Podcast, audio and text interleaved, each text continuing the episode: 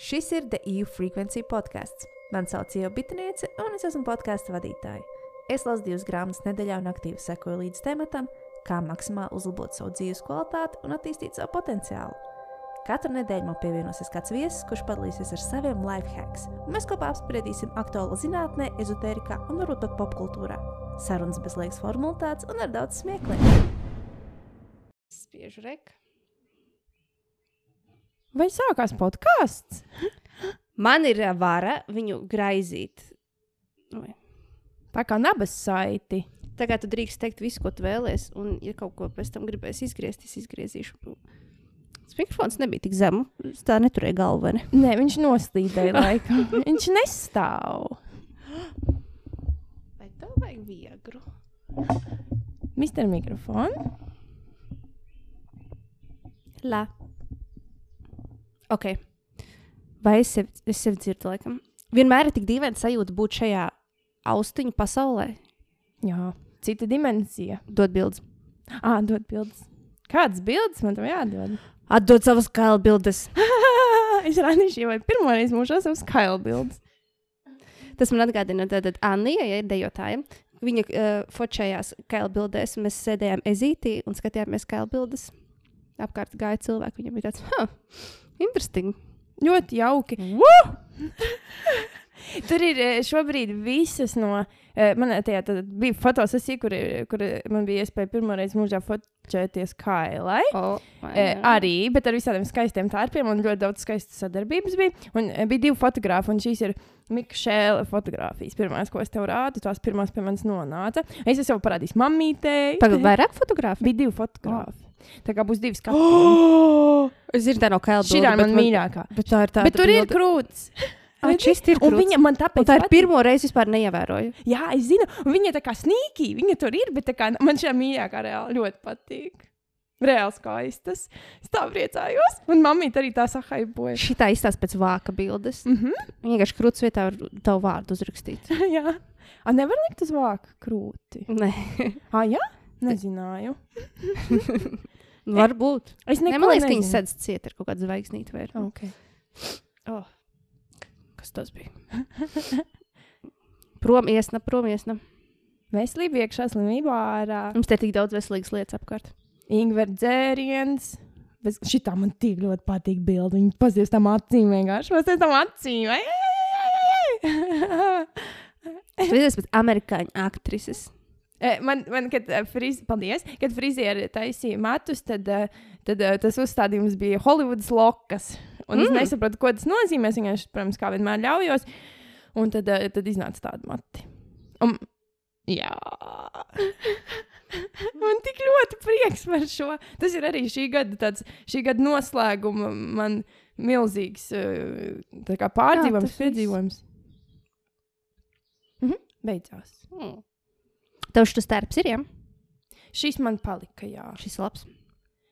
Jā, tas ir ļoti skaisti. Tas ir no Loving Intimates meitenēm. Viņa speciāli man uzšuva. Viņas arī man uzšuva biksītes ar uh, tādu seksīgu biksītes, kur uzraksts pai pai.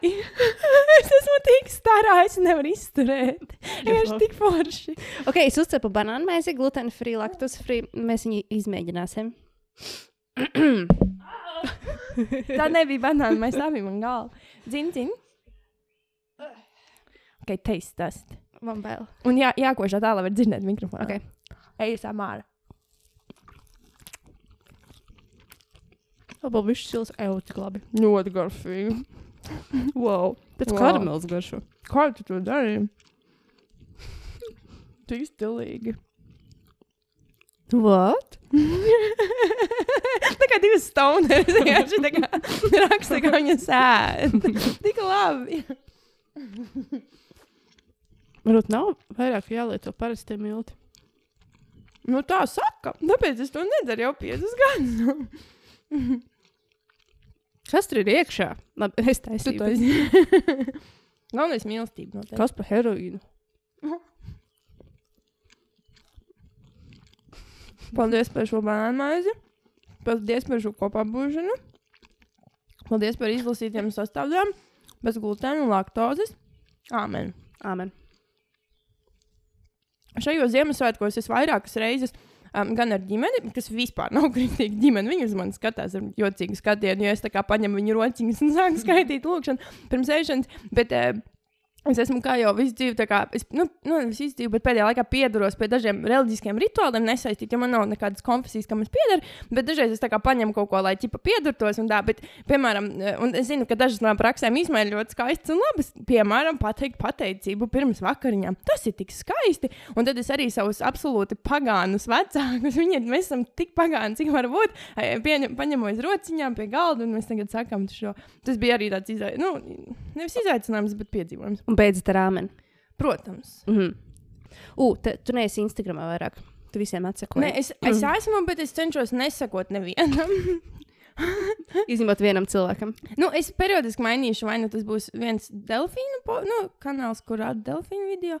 Vai arī šobrīd ir viens tāds, kurš ar veselību un, un fizioterapiju nodarbojas. Tā. Bet es pagaidām cenšos nesakot, jā. Bet, bet ko gribēju teikt par Instagram?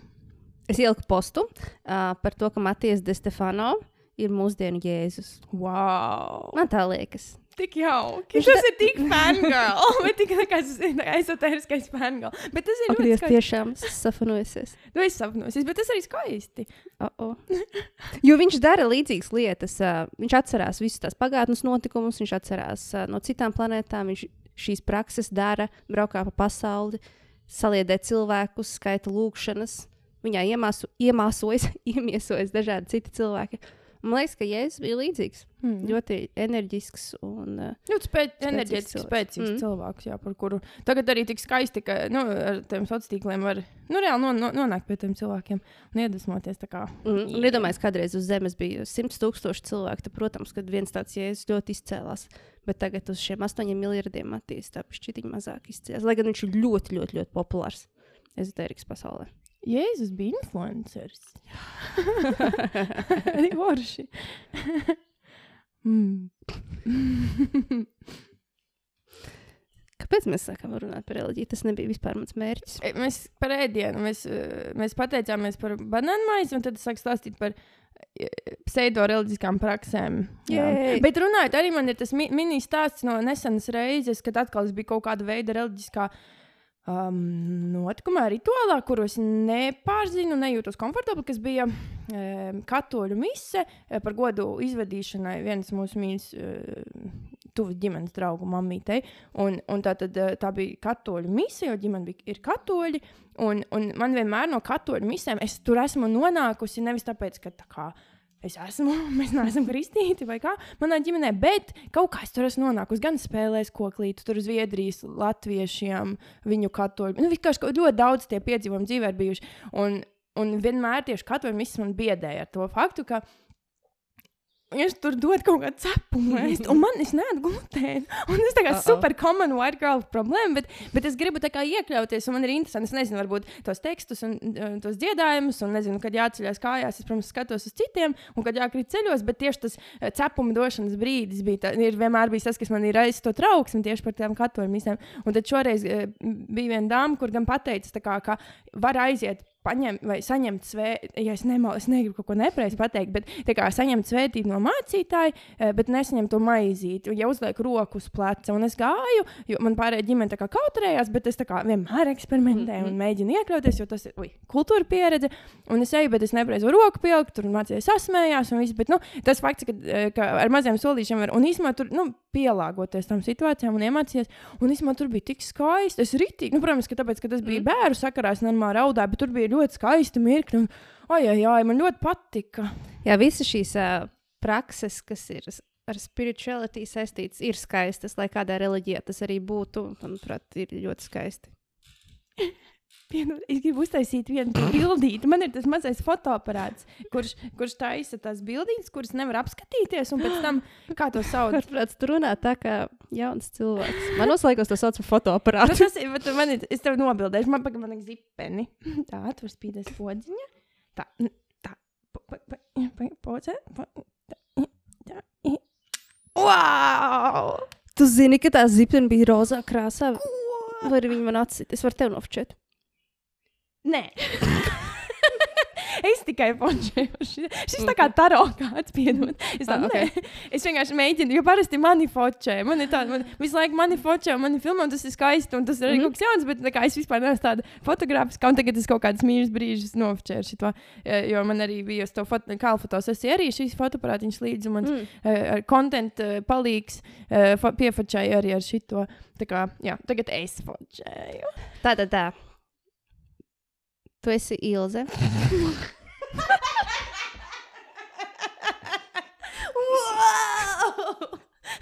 jā, Es gribēju uztaisīt ievadu. piedod, lūdzu, es, kā, es absolūti nesmieties. Es esmu Ilze. Bet es nezināju, kā sākt. Bet ir ļoti labi, šis bija ļoti labs. Oh, oh, jā. Bū. Es esmu arī. Oh, Es aizmirsu, ko es gribēju tagad teikt. Okay. Sākam no sākuma. Rewind. Mēs šobrīd esam ciemos pie Ilzes. Un es gribētu, es vakar izdomāju, ka šodien mēs varētu svinēt viena gada mūsu jubileju. Wow! Kas notika pirms gada? Šeit ir kas tāds īpašs. Ah, jaunais gads, o, šodien ir 1. janvārs. Ah, jā, pirmā janvārs apsveic ar jauno gadu. Jo mēs jau bijām pazīstami pirms tam, bet man liekas, ka šī gada sākumā mēs palikām pazīstamākas. Jā, tā ir. Ja mēs gatavojāmies eh, kaut kam,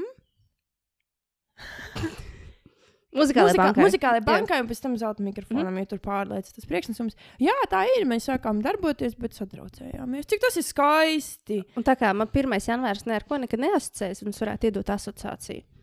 Tā ir mūsu dzimšanas diena. Wow! Tāds laimes dzimšanas diena. Oh, Pagaidiet, ataisim sirsnību. Es pareizi, tas nav kaut kāds boomers. Ir, ir, ir labi. Ļoti Ar jau. visiem pirkstiem. Ah, jā. Un uh, es esmu ļoti pateicīga par to, ka tie nāca manā dzīvē. Es arī esmu ļoti pateicīga par tevi. Es par to arī rakstīju kladīti. Kā mēs pavadām vecgada vakaru? Mēs rakstām kladītes. Mēs neejam ārā. Tas mums arī mums daudz kas ir kopīgs. Un beidzot, ir kāds mm. cilvēks, kas man neliek justies pārāk dīvainai, jo es biju vienīgā savā apkaimē, kas dara tādas lietas. Pirms pāris gadiem, kad es teicu, ka es negribu iet ārā, jaunajā gadā cilvēkiem bija žēl manis, un viņi pusnaktī brauc a- mani apsveikt, lai es nebūtu viena. Bet, O, bija tāds, nē, viņi tāds, bet es gribu būt viena. Mm. Man tik ļoti patīk. Jauno gadu sagaidīt mierā, rakstot, meditējot un uh, nākamajā rītā pamosties. Agri, lai gan šodien es pamodos desmitos. Mhm. Pēc es izturēju līdz pusnaktī. Mālots, tas ir diezgan hardcore. Yeah. Un tad ķermenis vienkārši negāja gulēt kādu laiku, un tad, ai, ok, cits tāds, cits tāds.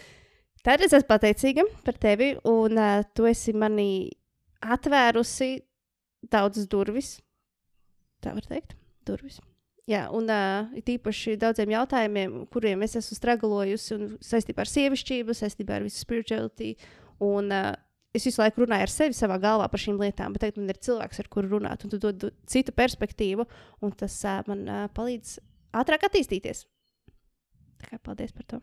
Paldies, tev arī. Es arī varu pateikt. Okay. Es jau, es jau šito, um, šito uh, piefiksēju Jāņos. Tas bija mans vispilgtākais moments, kad augriežos. Mēs gājām mm. peldēties.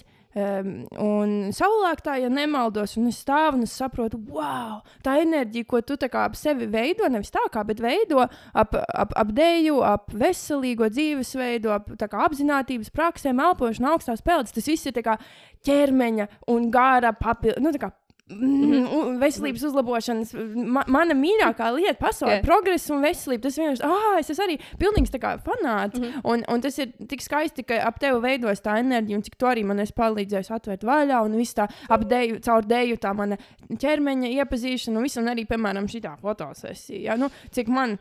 Ak, Dievs, neiedomājami bija, piemēram, pirms gada kaut kas tāds. Nu, vienkārši neiespējami. Mm. -hmm. Un tagad tas notiek. Būs mani ciči publiskajā telpā. Es esmu tik laimīga, sen jau gaidīju to. Tikai nezināju, kā viņus tā kā parādīt, jo, lai nedabūtu administratīvo sodu.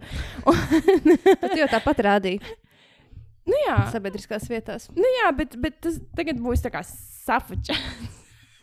Tagad citi varēs izgriezt un pielikt pie sienas. Es ļoti, es arī varētu. Man kaut kas ieteica uztaisīt to rītīgi cringe pašprintēto kalendāru ar savām bildēm un uzlikt tur man skailu. Varētu dāvināt saviem draugiem. Tad tieši domāju, kādu tu varētu dāvanu saviem tiem darbiniekiem, kolēģiem uzdāvināt. Izklausās, foto kalendārs, tas būtu tik rēcīgi. viņi liek pie sienas. Pie leduskapja. Bet, zinu, ko es uzdāvināju saviem uh, kolēģiem, kas ir manā mazajā mīļajā būvniecībā, būvniecības mūzikas komandā. Um, es uzdāvināju vitamī, vitamīnus uh, for active woman, manai menedžerei, un Ah, for, active, un for active man, man manam būvniecniekam, un es uzdāvināju. Um, eh, šo garšvielas, jo agri, senos laikos garš, garšvielas bija vis, nu, no dārgākajām lietām, ko tu varēji iegūt. Jo tu nevarēji vienkārši, nu, Latvijā garšvielas dabūt. Tas bija, nezinu, kuros viduslaikos tas taču nereāli vienkārši. Un, un tas bija tik ārkārtīgi dārgs, dārgs izējumateriāls. Un tad es uzdāvināju manam uh, bundzniekam Arturito. Viņš ir Arturs, bet es viņu vienmēr saucu tikai Arturito. Es viņam uzdāvināju garšvielas uh, Arturito, Hot Bandito, uh, kaut kādu miksiņu, kurš vienkārši likās ģeniāli, un čakru sveces. Tā kā mans, es mēģinu būt jaunā uzņēmēja, jau Mhm. rītīgi bīdīt savu biznesiņu, un plāniņu, un tabuliņus, un visu, bet es dāvinu saviem kolēģiem čakru sveces. Tik forši! Visam ir jābūt līdzsvarā. Cheers! Mēs dzeram ingveru dzērienu ar mandarīnu iekšā. Mhm. Dziņ, dziņ.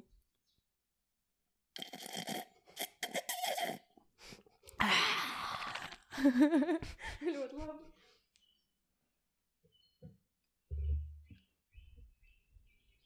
Tad, draudzīgi, Kas tie pa putniem?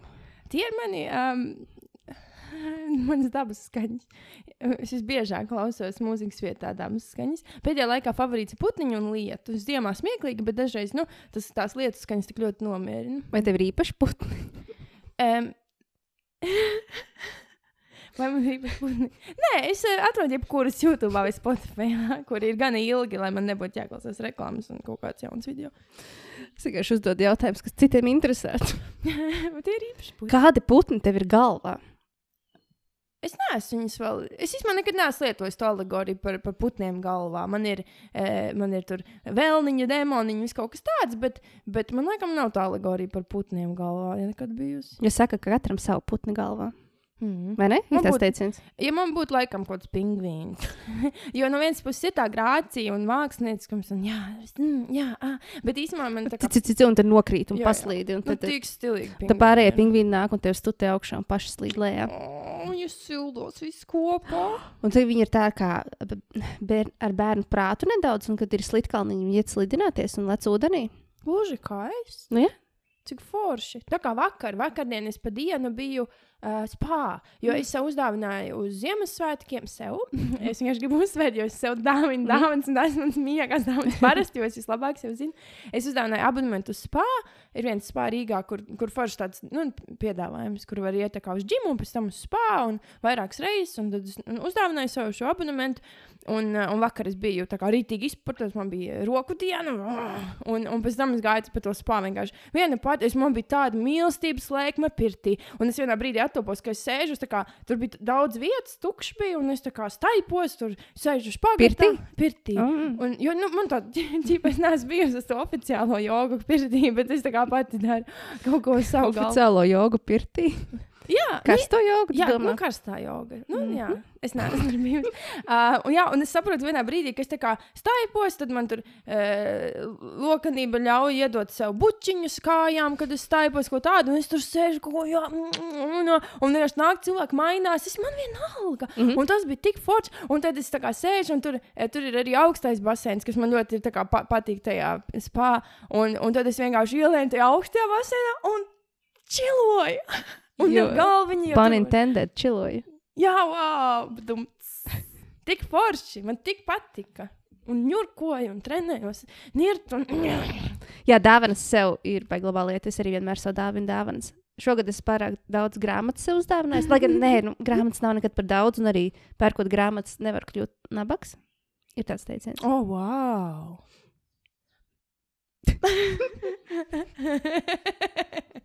Kāpēc man ir tādas sejas izteiksmes? Es nezinu, ko es gribēju. Bet man ir arī komentārs par grāmatām, ka es uh, pirms gadiem, trim kaut kādiem mm, rītīgi sāku to minimalismu ceļu. Uh, un, un grāmatas ir viena no tām lietām, kuras es solīju sev nepirkt. Jo es klausos audio grāmatas vai arī Kindle. Mhm. Jo man ir Kindles un es uh, mācos. Bet šogad, ak, Dievs, tavas atkarības dēļ, jo tev ir reāli tā kā heroīns tās grāmatas. Nu, mēs ejam grāmatu veikalā un viss, un tas ir tā kā junkie vienkārši. Un ļoti. Jā. mīlīgi un skaisti un forši, bet, nu, labi. un man arī bija šī pielipa, un es šogad Ziemassvētkos citiem pārsvarā dāvināju grāmatiņas, tas bija ter, pašterapijas grāmatas, un sev arī uzdāvināju vairākas grāmatas, kuras gan ir grāmatas formā, nevis kindlā, jo viņās arī var pildīt uzdevumus Mhm. mm -hmm. pašterapijas. Un tāpēc es tā kā salauzu to it kā uh, noteikumu, es uzdāvināju savu džēzu mācību grāmatu, un, un viss ir tā kā mācība un izaugsmes. Un, Jā, jo, piemēram, es pat, kad skatos uz savu grāmatu plauktu, es iedvesmojos. Viņš ir tik skaists. Tas ir mans bērnības sapnis, lai man ir tāda biblioteka. mm. Es gribu tādu istabu, kas ir kā rāda filmās, kas ir tādā tumšu koku un ar lielu kā, to krēslu mīksto, un apkārt ir liela augsti plaukti, un visur ir grāmatas, un tev ir augstas trepes, kuras ir uz ritentiņiem. Tu skāp uz tām trepēm, tur ir ritentiņiem, tā kā slaidot pa tiem grāmatu plauktiem. Mm. Nu, tur pārāk Kamīns! nu, kā viņas ir svētlieta. Un... Jā. Tāda es gribu. Bet tev ir, godīgi sakot, viss iedvesmojošākais grāmatu plaukts vai grāmatu kolekcija. Nu, īpaši manai gaumei, kas Mm. mm. mums sakrīt, man palasīt daļu literatūru ir vienkārši gandrīz nereāli, lai gan it kā ir interesanti. Es vienkārši, man tas tā kā nestimulē pietiekami. Mm. Un, un tā es apzinos arī nedaudz mana problēma ir, jo man vajadzētu paralēli lasīt arī daļu literatūru, ne tikai pašizaugsmi. Piemēram, ejot gulēt vakarā. Mhm. Um, man patīk palasīt pirms iešanas gulēt, bet, nu, ja es lasu atkal kaut kādu tur trako. Nezinu, vienalga, kas man tajā brīdī ir aktuāls, bet parasti ir filozofija, pašizaugsme, biznesa. Un tad, uh, nu, tad vienkārši tā smadzenes tiek stimulēta, un man grūti ir aiziet gulēt. Jo tad ir jauns idejas, ko darīt, un šīs un tās, un es Jā. Pierakstīšu, un uh, kur, man, kur mans dators. Un... Īstenībā daļa literatūra attīsta valodu. Un tā kā tev dziesmās ir ļoti interesanta valoda, vai tev tas ir no lasīšanas?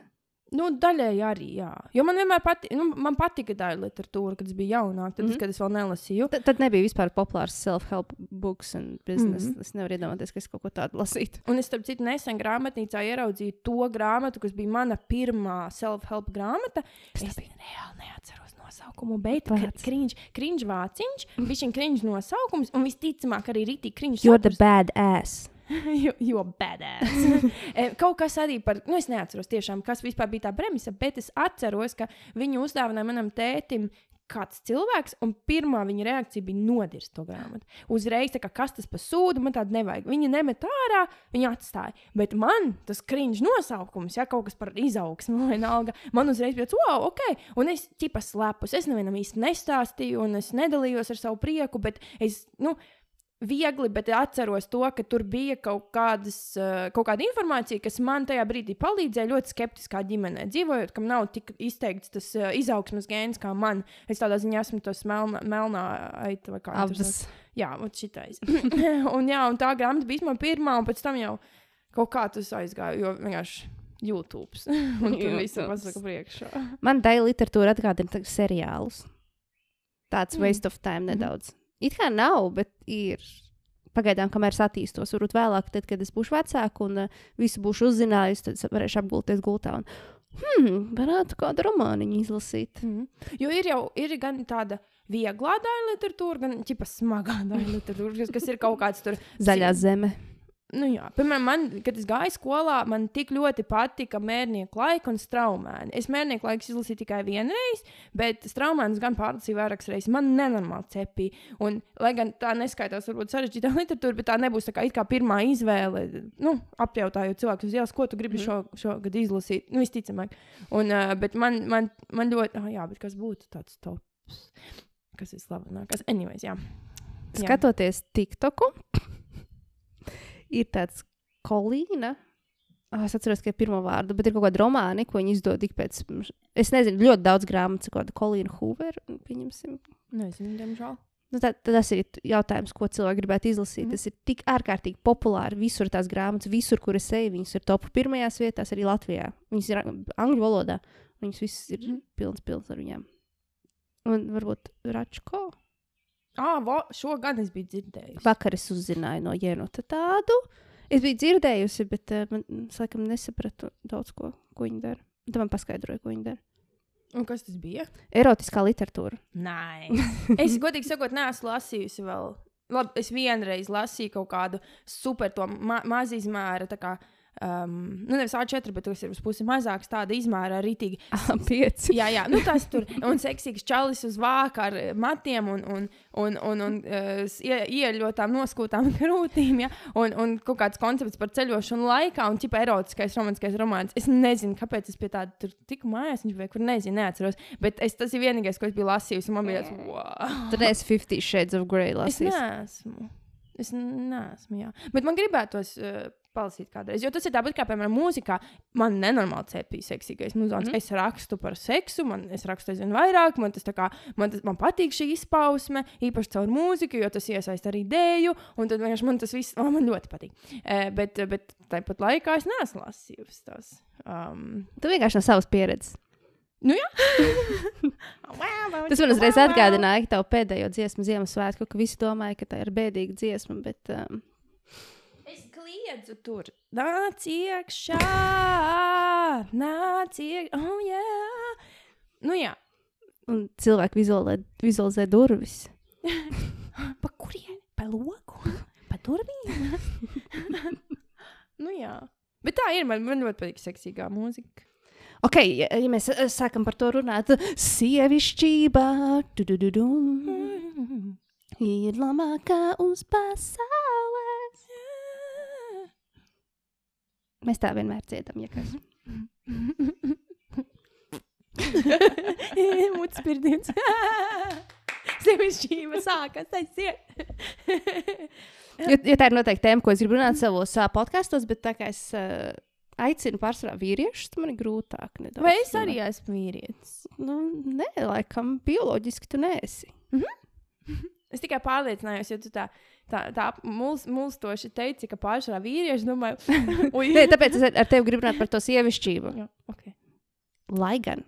Okay, bet būs tā, ka Jenota saruna būs nākamā. Bet es viņu vakar ierakstīju. Jenots pats uzsāka par sievišķību Mhm. runāt. Un vajag vairāk arī ar puišiem mm. -hmm. par to sievišķību. runāt. Tāpat kā ar, ar sievietēm par to vīrišķo un vispār to balansu, vai ne? Mm -hmm. Bet tā vairāk par sievietes lomu, tieši bioloģiski. Mēs tam bijām par bioloģisko.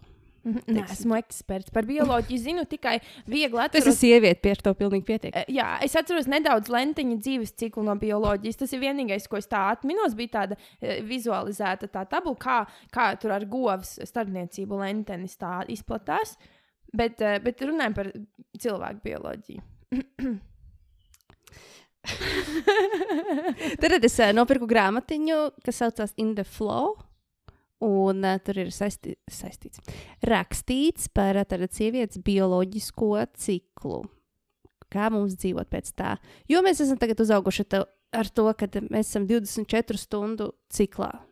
Tad diena ir 24 stundas, un viss ir sadalīts 24 stundās. Viss, ko mēs darām, ir 24 stundās. Un tas ir vīriešu hormonālais cikls. 24 stundas. Viņam tur ir pīks, tad viņam tas ēst. Tad ir īstenībā ir neesmu eksperta tieši vīriešu bioloģijā, bet sievietes bioloģiskais cikls ir Mēnesis. 28 dienas.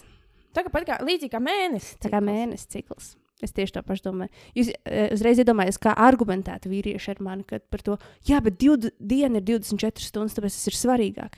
Bet Mēnesis. mēnesis cikls ir sieviešu cikls. Tāpēc bieži sievietes ir attēlotas ā, arī ar tā kā, kā mēnesis dievietes, kad ir Mhm. tas pilnmēnesis apkārt.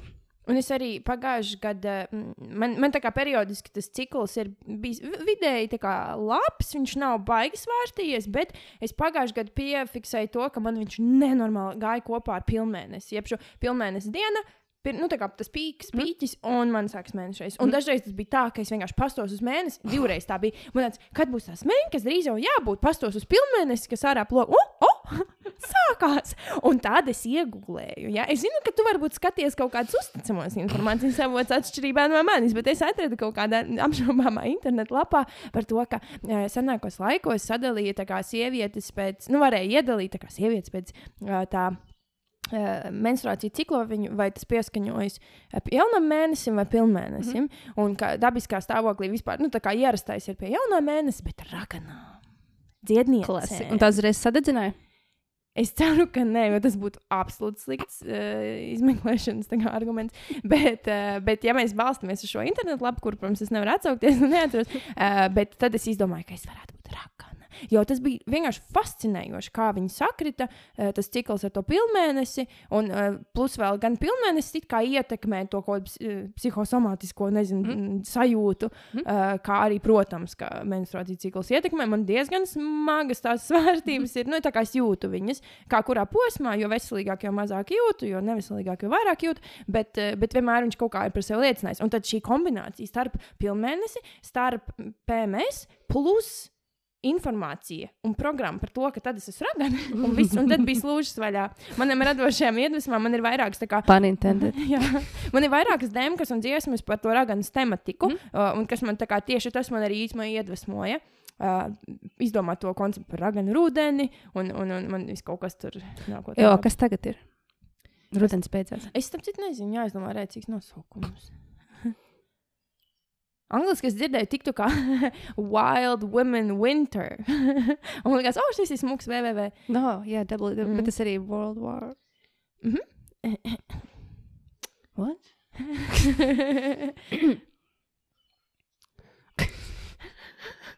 Warcraft, World of Warcraft, to es gribēju teikt. Vai arī Worms, Worms. Worms. worms. Labi. Tad ir flow. Šī grāmata. Šī grāmata. Apstāties, cik zem nokrita mikrofons. Snīki, es pat neievēroju, kurā brīdī tas notika. E, kamēr tu stāsti par grāmatu, es varu iet pievilkt. Es viņu visu laiku velku. Tad, ah, tas ir stiprāk. Tas ir stiprāk, tev rokas ir es vienkārši biežāk mikrofons griežu. Tad es jau pirms tam teicu, ka es apzināti izvēlos uh, podkāstu viesus, tos, kuri saprot no šīm lietām. Es sāku arī saprast, bet kur man vienmēr, vienmēr kāds palīdz. Jā, uzliec labāk, lai ir augstāk un šo palikšu. My god. Wow. Oh, do it, do it. Es atpūtīšu piebraukt, lai redzētu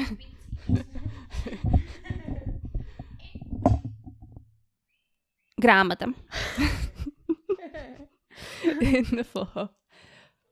ir eh, tātad, par to, lai mēs atgrieztos šajā 28 dienu ciklā, jo tas ir veselības pamata akmens sievietēm. Tad eh, mans lielais mērķis pirms diviem gadiem bija desmit gadu laikā izveidot metodi, kas uh, maksimāli palīdzētu uh, katru cilvēku potenciālu kā, atrast un aktivizēt un būt labākajām sevis versijām, gan fiziski, morāli, dvēseliski un sirdiski. Mm, Latvijas ļoti brīnišķīgi tas izklausās. es galvā tulkoju reāli. un, uh, divus gadus, tad es šam eju cauri. Čipa viss ir, viss ir cools, Vimhof metode, visas tās elpošanas, ēšanas, visas dažādas tās diētas. Un dienas beigās nav kaut kas līdz galam kārtībā.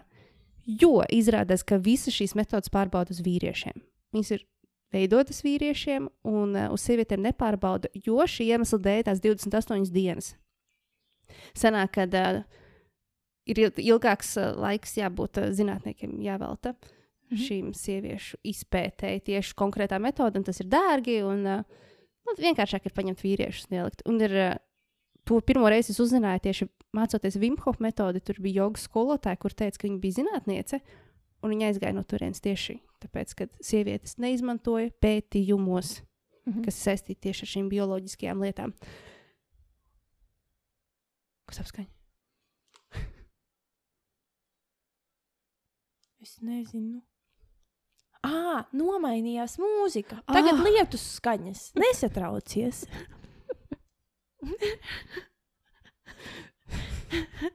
Kurš sāk šņākt? okay, tātad uh, 28 dienas. Un no tā tad uzreiz uh, izmainās tas, kā tu ēd. Jo katrā mūsu ciklā, kas ir tad, tur sadalīts vēl sīkākās uh, dienās un posmos, ir ēdiens, kādu tu ēd, ko tu dzer, kā tu kusties. Mm. Izrādās, mēs nevaram fiziski trenēties eh, katru dienu, tā kā mēs to darām. Mums Jā. ir uh, atkal pa posmiem, un būs labāki rezultāti, tad, kad mēs sev piebremzēsim, neskriesim pakaļ vīriešiem. Un, uh, darīsim to, kas atbilst mūsu šim ciklam. Mm. Tad tas ir ēšana, sports, tā man ir pierakstīts. Uh, viss arī psiholoģija.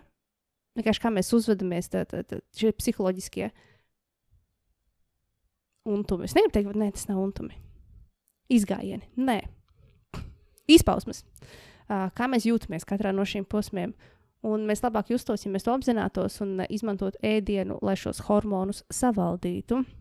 Arī produktivitāte. Mums ir jāsaprot, ka mēs nevaram mēnesī vairākas dienas būt produktīvs. Mums ar to jāsamierinās. Mm. Un punkts. Un tad, kad mēs sev spiežam, tad paliek aizvien sliktāk, un mēs uh, taisām disbalansu šiem hormoniem, un tad veidojas citas slimības. Un tad mēs ejam pie ārstiem gadiem, un viņi nevar saprast, kā tas ir vesels. Viss analīzes uzrāda, ka tas ir vesels, viss ir kārtībā. Bet nē, mēs visu laiku sev čakarējam hormonāli, un arī, piemēram, uh, depilu Kontracepcija. kontracepcijas tālāk. jā. Hormonāla kontracepcija. jā. jā. ir uh, vīrieši izdomāti, lai noliktu sievietes pie vietas. Tas ir ļoti brutāli, es to saku, bet tā vispār, iedomājieties, tas ir tik vissliktākais, ko varētu darīt savam ķermenim.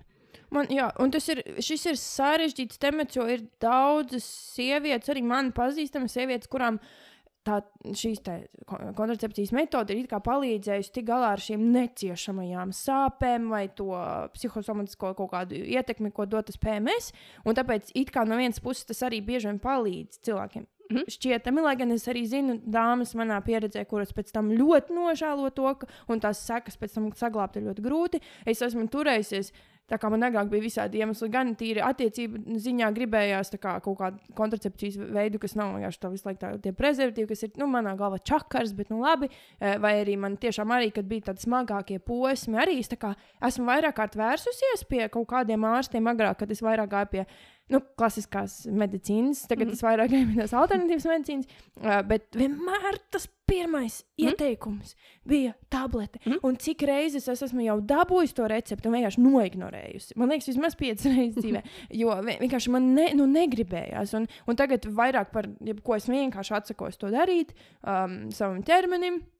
Un man vienkārši ir tāda situācija, es varu sadzīvot ar PMS, gan, gan krampiem, gan to pie- pieredzi, visu pārējo. Tiešām jau aktē to uh, uzturu un, un, un ūdens patēriņu un nepārforsē džimā. Un ja vēl, ja Dievs dod, ieplānot kādu brīvdienu, tad ir smagākās dienas, bet tas arī cits stāsts ir. Mm. Uh, bet, bet jā, jā, to tā kā it kā ir kontrolēta. Man ļoti, ļoti, ļoti nepatīk tas koncepts. Un arī, ka, piemēram, kā, ja, ja ir attiecības un tiek kā sarunā ja ir divu dzimumu pāris, vīrietis mm un sieviete, un ka, kas ir kā seksuāli aktīvi, un tad notiek tā saruna. Un manā pieredzē ar visiem bijušajiem, ar visiem kā kaut kādiem, nu, starp cilvēkiem, tā saruna ir vienkārši vienmēr uz meitenes pleciem. Nu, ja, ja gribas to alternatīvo metodi, kas nav tā kā, nu, Iedomājieties, ja viņiem liktu uh, dzert tableti, kas maina viņu hormonus. Tas vienkārši nenotiek. Un es arī par šo runāju ar vienu savu draugu ārstu. Um, nu, tā kā izzināt, es, zinu, es esmu lasījis par to, vai ir opcija, ko dzert vīriešiem. Viņš teica, ka nav izstrādāta neviena. Un, un arī tas fakts, cik daudz opcijas ir sieviešiem, mm. sievietēm, ko, ko tik nedzert, kādu tur spirāli un, un tabletes un šīs un tās. Mhm. Mm. Bet vīrietim nav nevienas Mhm. mm. metodes, izņemot tā, nu, tā permanent, kā ir. Nu, Vasektomija. jā, jā, kaut kāda. Es nezinu, pareizi, kā, kas tur Vas, notiek. vasoktomija. jā, jā. Latvijas nezināšu. Un tas laikam ir neatgriezenisks. Uh, ir jau ir tādi, kas ir atgriezeniski. Jā. Ir, es tos arī skatījos. Mm -hmm. Bet uh, tas nav simtprocentīgs garants. Jā. Diemžēl ar to ir jāriskē. Mhm. Tāpat tās kā hormonus lietojot. Mhm. Hormonālās tabletes ir simtiem visādas slimības, var pierastīt. Nu, jau, Mhm. Bet tā ir šobrīd. Mhm. Un tāpēc es arī es ļoti daudz izmantoju to saturu, ko es patērēju par veselīgu uzturu, un īpaši to, nu, eh, par to runā sievietes speciālistus, tad aizvien vairāk parādās informācija, kā, kā sadzīvot ar to ciklu. Un es arī vairākus gadus jau piedomāju pie tā kārtīgāk. Es nedzeru precāpju zāles vispār. Es, es vienreiz Mhm. uz Covid iedzeru vienu to. Paracetamolu, mm -hmm. bet es nedzeru jau, man liekas, četrus gadus, ne, ne, nekādus ibumetīnus, neko, neko. Jo es, eh, man reiz bija tāda ļoti spirituāla pieredze. Man bija nu, vien- viens no smagākajām mēmām, nu, nenormāli smagas, bet es tā kā sev solīju, ka es nedzeršu tās tabletes, un man, tā- es nezinu, skrāpēju sienas, ko man darīt. Un tad es kā vienmēr pie visām problēmām, kā tu zini, arī aizcietējuma gadījumā vēršos pie meditācijām. es ierakstīju, eh, googlēju tur um, to kaut kāds uh, meditāt, guided meditation for period pain vai, vai kaut, kādu, nu, kaut kādu PMS, kaut kādu lietu. Un tur bija ārkārtīgi skaista meditācija, kuras uh, tas mērķis bija sarunāties ar savu dzemdi, mm. sarunāties ar savu sievišķo reproduktīvo sistēmu un ieklausīties, ko, viņ, ko, ko viņa tā kā saka. Un tas bija vispār bijuši ļoti daudz dažādas meditācijas, kur kā, caur iekšējo zemes darbu ar zemapziņu un, un kaut kādām apslēptām lietām var nonākt pie informācijas. Un tajā konkrētajā reizē es vienkārši tas bija kosmisks, kas reāli runā ar savu dzemdi, un viņi saka, jo! Drīkst lamāties. Jā, jā. Jā, jo, blēd, tu vari nomierināties, tu vari lūdzu, fucking paņemt brīvdienu. Es fucking nevaru, cik, cik skaļi man ir jākliedz uz tevi, cik skaļi man ir jākliedz. Vecen, blēd, tā kā lūdzu, lūdzu, apsēdies. Un es tipa sēžu, man tur sāp, un pagaidu aiziešu, tagad man, man vēl treniņš ir, un es kā es tagad. Un, un, es dom, un tas bija kosmiski vienkārši, nu, ka viņa man vienkārši kliedz virsū, bet viņa visu laiku kliedz. Un koncepts šajā teorijā, šajā meditācijā bija par to, ka tās sāpes ir mūsu ķermeņa info, informācija un komunikācijas ģimenes forma. Mm. Un caur sāpēm uh, tas uh, sievišķā, tas ķermenis, viņš mēģina pateikt, tu dari kaut ko nepareizi. Mm. Vai tu ēd nepareizi, vai nu tu skrien pat daudz, vai arī kā mēs ar tevi esam kaut kādi gym junkies. Ja? Nu. Nu, bišķiņi tikai. nu, jā, tā, tā bija ļoti skaista pieredze. Un tagad es ļoti bieži runāju ar savu. Es negribu teikt tieši dzemdi, bet visu to kā, mm. sistēmu, kas tur ir, tas tā sakrālā čakra. Uh, Uh, visu laiku tur runājot un komunicēju, un, un viņi tik mīļi, ir tik forši. Viņam vairs nav jākliedz uz mani. Tik forši, ka ir kontakts ar sevi. To tas nozīmē. Uh -huh, pai, pai. Jā, jo ķermenis ir praktiski mūsu mašīna. Un mums jārūpējas par to, kā ar mašīnu. Eļļa pietrūks, mēs eļļu, degvielu pietrūks, mēs ielējam degvielu. Mēs sev mazgājam, tīram, skatāmies, lai mēs varam iet uz priekšu. Un tad, kad mēs mokam sevi, tad, protams, uh, kaut kas skanēt, čarkstēt, un, un tad ķermenis ir tieši tas pats. Bet tad tu minēji par to, ka, ka citām sievietēm tas ir palīdzējis. Tas ir līdzīgi kā jebkurām tabletēm. Arī precēju tabletēm kaut kas sāp, tu vienkārši uzdzer, un, protams, tas palīdz. Mm. Loģiski tas palīdz, bet tas nerisina cēloni, mm. un tas vienkārši apslāpē arī antidepresanti. Nu, īsti nav nekāda baigiet super pierādījuma, ka palīdz, jo nesen atklāja, ka depresija nerodas no ķīmiskiem tiem tur uh, disbalansiem smadzenēs. Ir cilvēki, kam ir tā, bet daudziem tā nav. Un vienkārši haļavu uh, dot antidepresants. That's not ok. Uh, un ir cēlonis, ir jārisina cēlonis. Mēs nemākam risināt cēloni.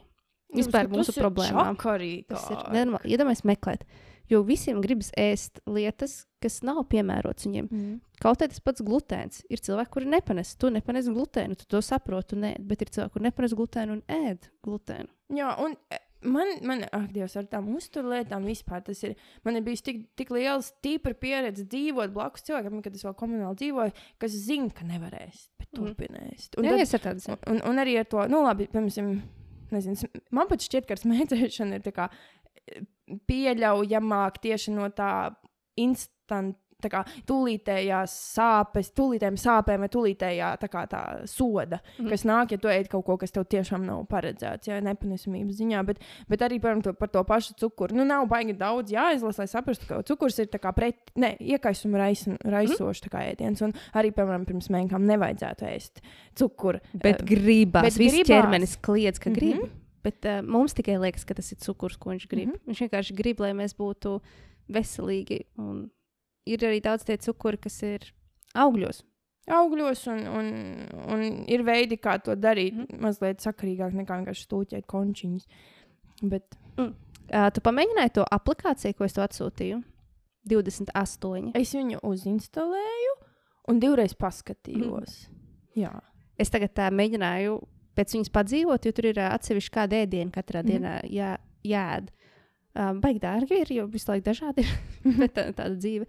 Es pamēģināju, un man tiešām bija vieglāk. Tiešām tā, ka ir vairāk enerģijas, es nezinu, cik plasībo, bet tur ir tāda ēdiena katram tam ciklam. Un uh, bija tāds, ok, jo tur priekšā vienā dienā bija vīnogs. Tā, huh, interesanti, vīnogs es nekad nepirku, bet es mm -hmm. nopirku un bija baigi forši. Mm -hmm. Forši, tā, tāda zīme. Tā kā ir tāda aplikācija 28, un priekš sieviešu tur ir. Uh, viņš īsti netrako tieši ciklu, bet viņš rāda, ko katrā cikla dienā darīt. Kādi mm tur ir vingrinājumi, tur ir padomi par un padomi, brīžu, ko darīt. Un iedvesmojošas tādas lietas. Un, tu, tu, tu. Okay. Ko es gribēju ar to teikt? Tad ar tabletes uh, uzmanieties tiešām, jo visa šī industrija ir tik ļoti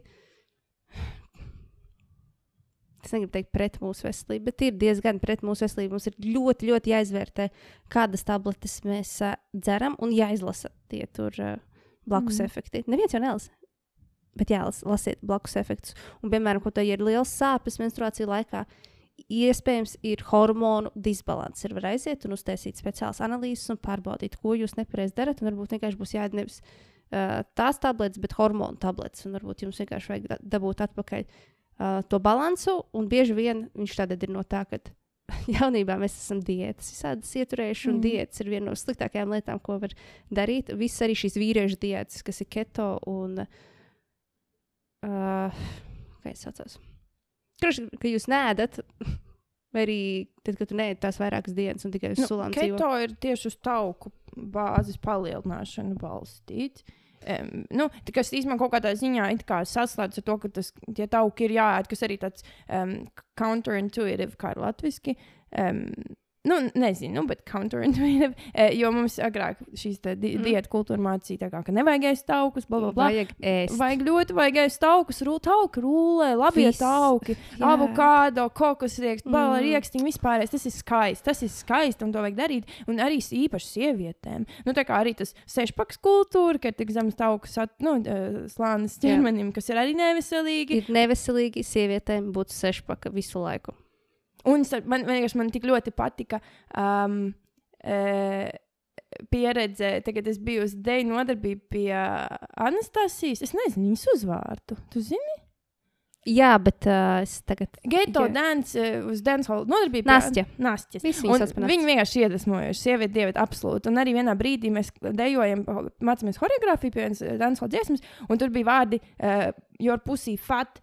Un viņa tā kā apstāja, meitenes, meitenes, jūs vispār dzirdat, tur ir pusī fat. Tas ir kompliments. Aiziet, mums visām ir ko kratīt, aiziet. Un tas bija tik super forši. Un tas arī tas koncepts par to, ka citās kultūrās, kā, ka tev ir neliels tas tauks lānis, kurš ir kā skaists un formīgs. Un, un tu vienkārši tā kā ap, aptver to, embraiso, ja savu to skaistumu, savu to, to sievišķu veselīgo ķermeni. Tā kā Boris Bērziņš, latviešu mākslinieks, kam vienmēr bija tas tipa korpulento sieviešu skaistie tēli. Un, kad es pirmo reizi redzēju vienu izstādi, es neesmu baigām vizuālās mākslas zinātāji, bet es biju viņa izstādē un likās, "Mm, tik forši! Tas ir tik forši! Un, un kad to mums taču arī visu laiku kā nedarīt. Un es arī tagad mācos kā pieņemt savas kājiņas, pieņemt visu, jo tad vairāk kratās. Vai ne? Tas tas ir ir. Es visu forši. mūžu gribu uzaugt masu. Ja jūs zināt, kā es mokos ar šo. Un tas, tā ir mana tā problēma, ka man ir noteikti kaut kādi tie hormonu nu, disbalanci.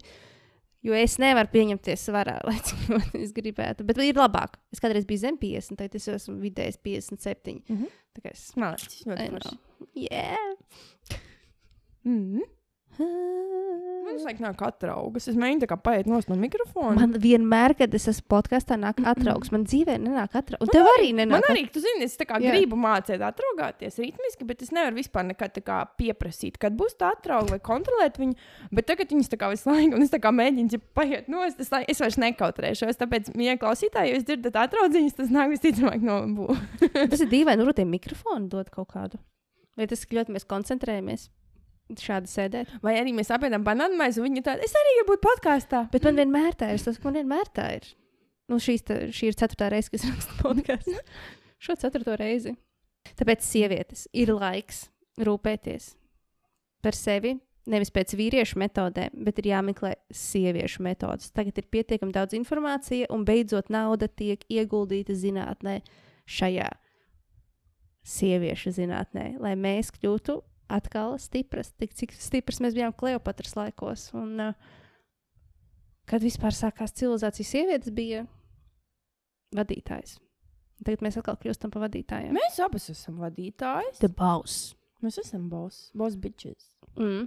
Un tas man uh, pēc tam nobeigšu, varbūt šo. Ok, jā, tad tā, tās 28, ja mēs dzīvosim pēc 28 cikla, uh, mēs būsim daudz veselīgākas un laimīgākas. Un vajag bieži bija tas, uh, bet kāpēc sievietes tika nospiestas? Ai, nu, tas, ir, tas ir dziļš jautājums, kuram ir man šeit tikai nu, spekulācijas. Jā. Varbūt vēsturiski, varbūt kaut kas kaut kur ir rakstīts, bet mums vairāk vai mazāk tās ir spekulācijas. Bet, nu, e, ma, m- kā jau man šķiet, mēs esam kādreiz runājuši un diezgan bieži pats jautājums par to alternatīvo spēku. vai Ne, Mhm. kas ir sievišķais spēks, kas nav kā, spēks muskuļos, Mhm. tik daudz, cik tas ir. Nu, un arī tā kā sievišķās enerģijas, bet tad, kad man, man ir baigi, es esmu gan pati sačakarējusies ar šo, gan arī uh, nenodefinējot, kas ir tās divas enerģijas. Un kad es, piemēram, saku, tā kā sievišķā, vīrišķā enerģija, mm Mhm. -hmm. tad tas ir vairāk tas iņu un jaņu koncepts, jeb tas nav sieviete kā fizioloģiskais dzimums un vīrietis kā fizioloģiskais dzimu- dzimums, jeb šo mūsos visos ir gan viena, gan otra enerģija. Jo vienkārši šis te vārds ir diezgan triggerojošs un, un ja pasaka. Um, Nu, dažreiz vienkārši man šķiet svarīgi nodefinēt, un es, piemēram, šobrīd vairāk runāju par to sievišķo enerģiju, kura ir bijusi citādāka. Viņa tiešām nav tik daudz, man šķiet, manuprāt, vērsta uz to muskuļu spēku, bet mm. uz to alternatīvo. Bet kas tad ir tas alternatīvais spēks? Viņš ir tik neredzams un tik biedējošs. Tāpēc tas koncepts par raganu, par raganu Jā. prāvām un par to um, kaut kādu intuitīvo zināšanu, paredzēšanu. Jā, mums ir intuīcija ļoti spēcīga. Mm -hmm. Nu, tāpēc arī kādreiz var, varbūt no tā baidījās, jo tas bija kaut kas pārdabisks tā laika cilvēkiem. Tā kā, tāpēc dedzināja šīs sievietes, kuras to apzinājās. I don't know, un varbūt no tā tas kaut kur sākās. Bet tas ir greizi. Jo mēs, piemēram, es pilnīgi redzu to, ja mēs kā sievietes, bez mazliet teiksim, tādu pārņemtu varu, ja tā varētu teikt, mēs nekad vīriešus nenonicinātu un neliktu zemāk. Nu, to mēs nevaram zināt. Nu, es personīgi ne. es arī personīgi ne. Varbūt tikai tās, kuras grib atriepties. I don't know. Ir ļoti dažādi. Jo vara padara, vara jebkura rokās, mm. -hmm. gan slikta, e, e, neētiska vīrieša, gan neētiska sievietes rokās būs ļoti liels. Nu, kā atoma, kā mm. atomenerģija. Var tam, tas tā ļoti spēcīga enerģija, kas var darīt labu un kas var darīt ļaunu, ja nonāk nepareizās rokās. Man liekas, ka nu, mēs, mums ir ļoti liela tā pieredze, kad, kad ir tā kā. Nu, Pie varas bijuši cilvēki, kas apspiež, bet ir arī mm. ļoti skaisti cilvēki, kas cīnās par Jo, to jo, un jo. palīdz. Tāpēc, jā, nu, nezinu. Man šķiet, ka ideāli būtu, ja mēs visi būtu cilvēki un mūs visus vērtētu pēc cilvēkiem, nevis pēc tā, vai Jā. tas ir sieviete, vīrietis. Uh, es nostājos vienu video, tad transgenders. Tas ir cits jautājums, cik ļoti mēs to atbalstam, neatbalstam. Bet, uh, anyways, tad uh, no sievietes par vīrieti kļūst. Un viņi stāsta par uh, pieredzi, kas ir mainījies, kā cilvēki pret viņiem izturās. Ka viņi Mhm. tagad ir kļuvuši par vīriešiem, viņiem vairs nav bail iet uh, naktī pa ielu, Mhm. uh, veikalos uh, viņiem neviens nelien klāt, viņi jūtas droši. Uh, ejot kaut kur uz banku, kaut kur citur, viņus uztver nopietnāk.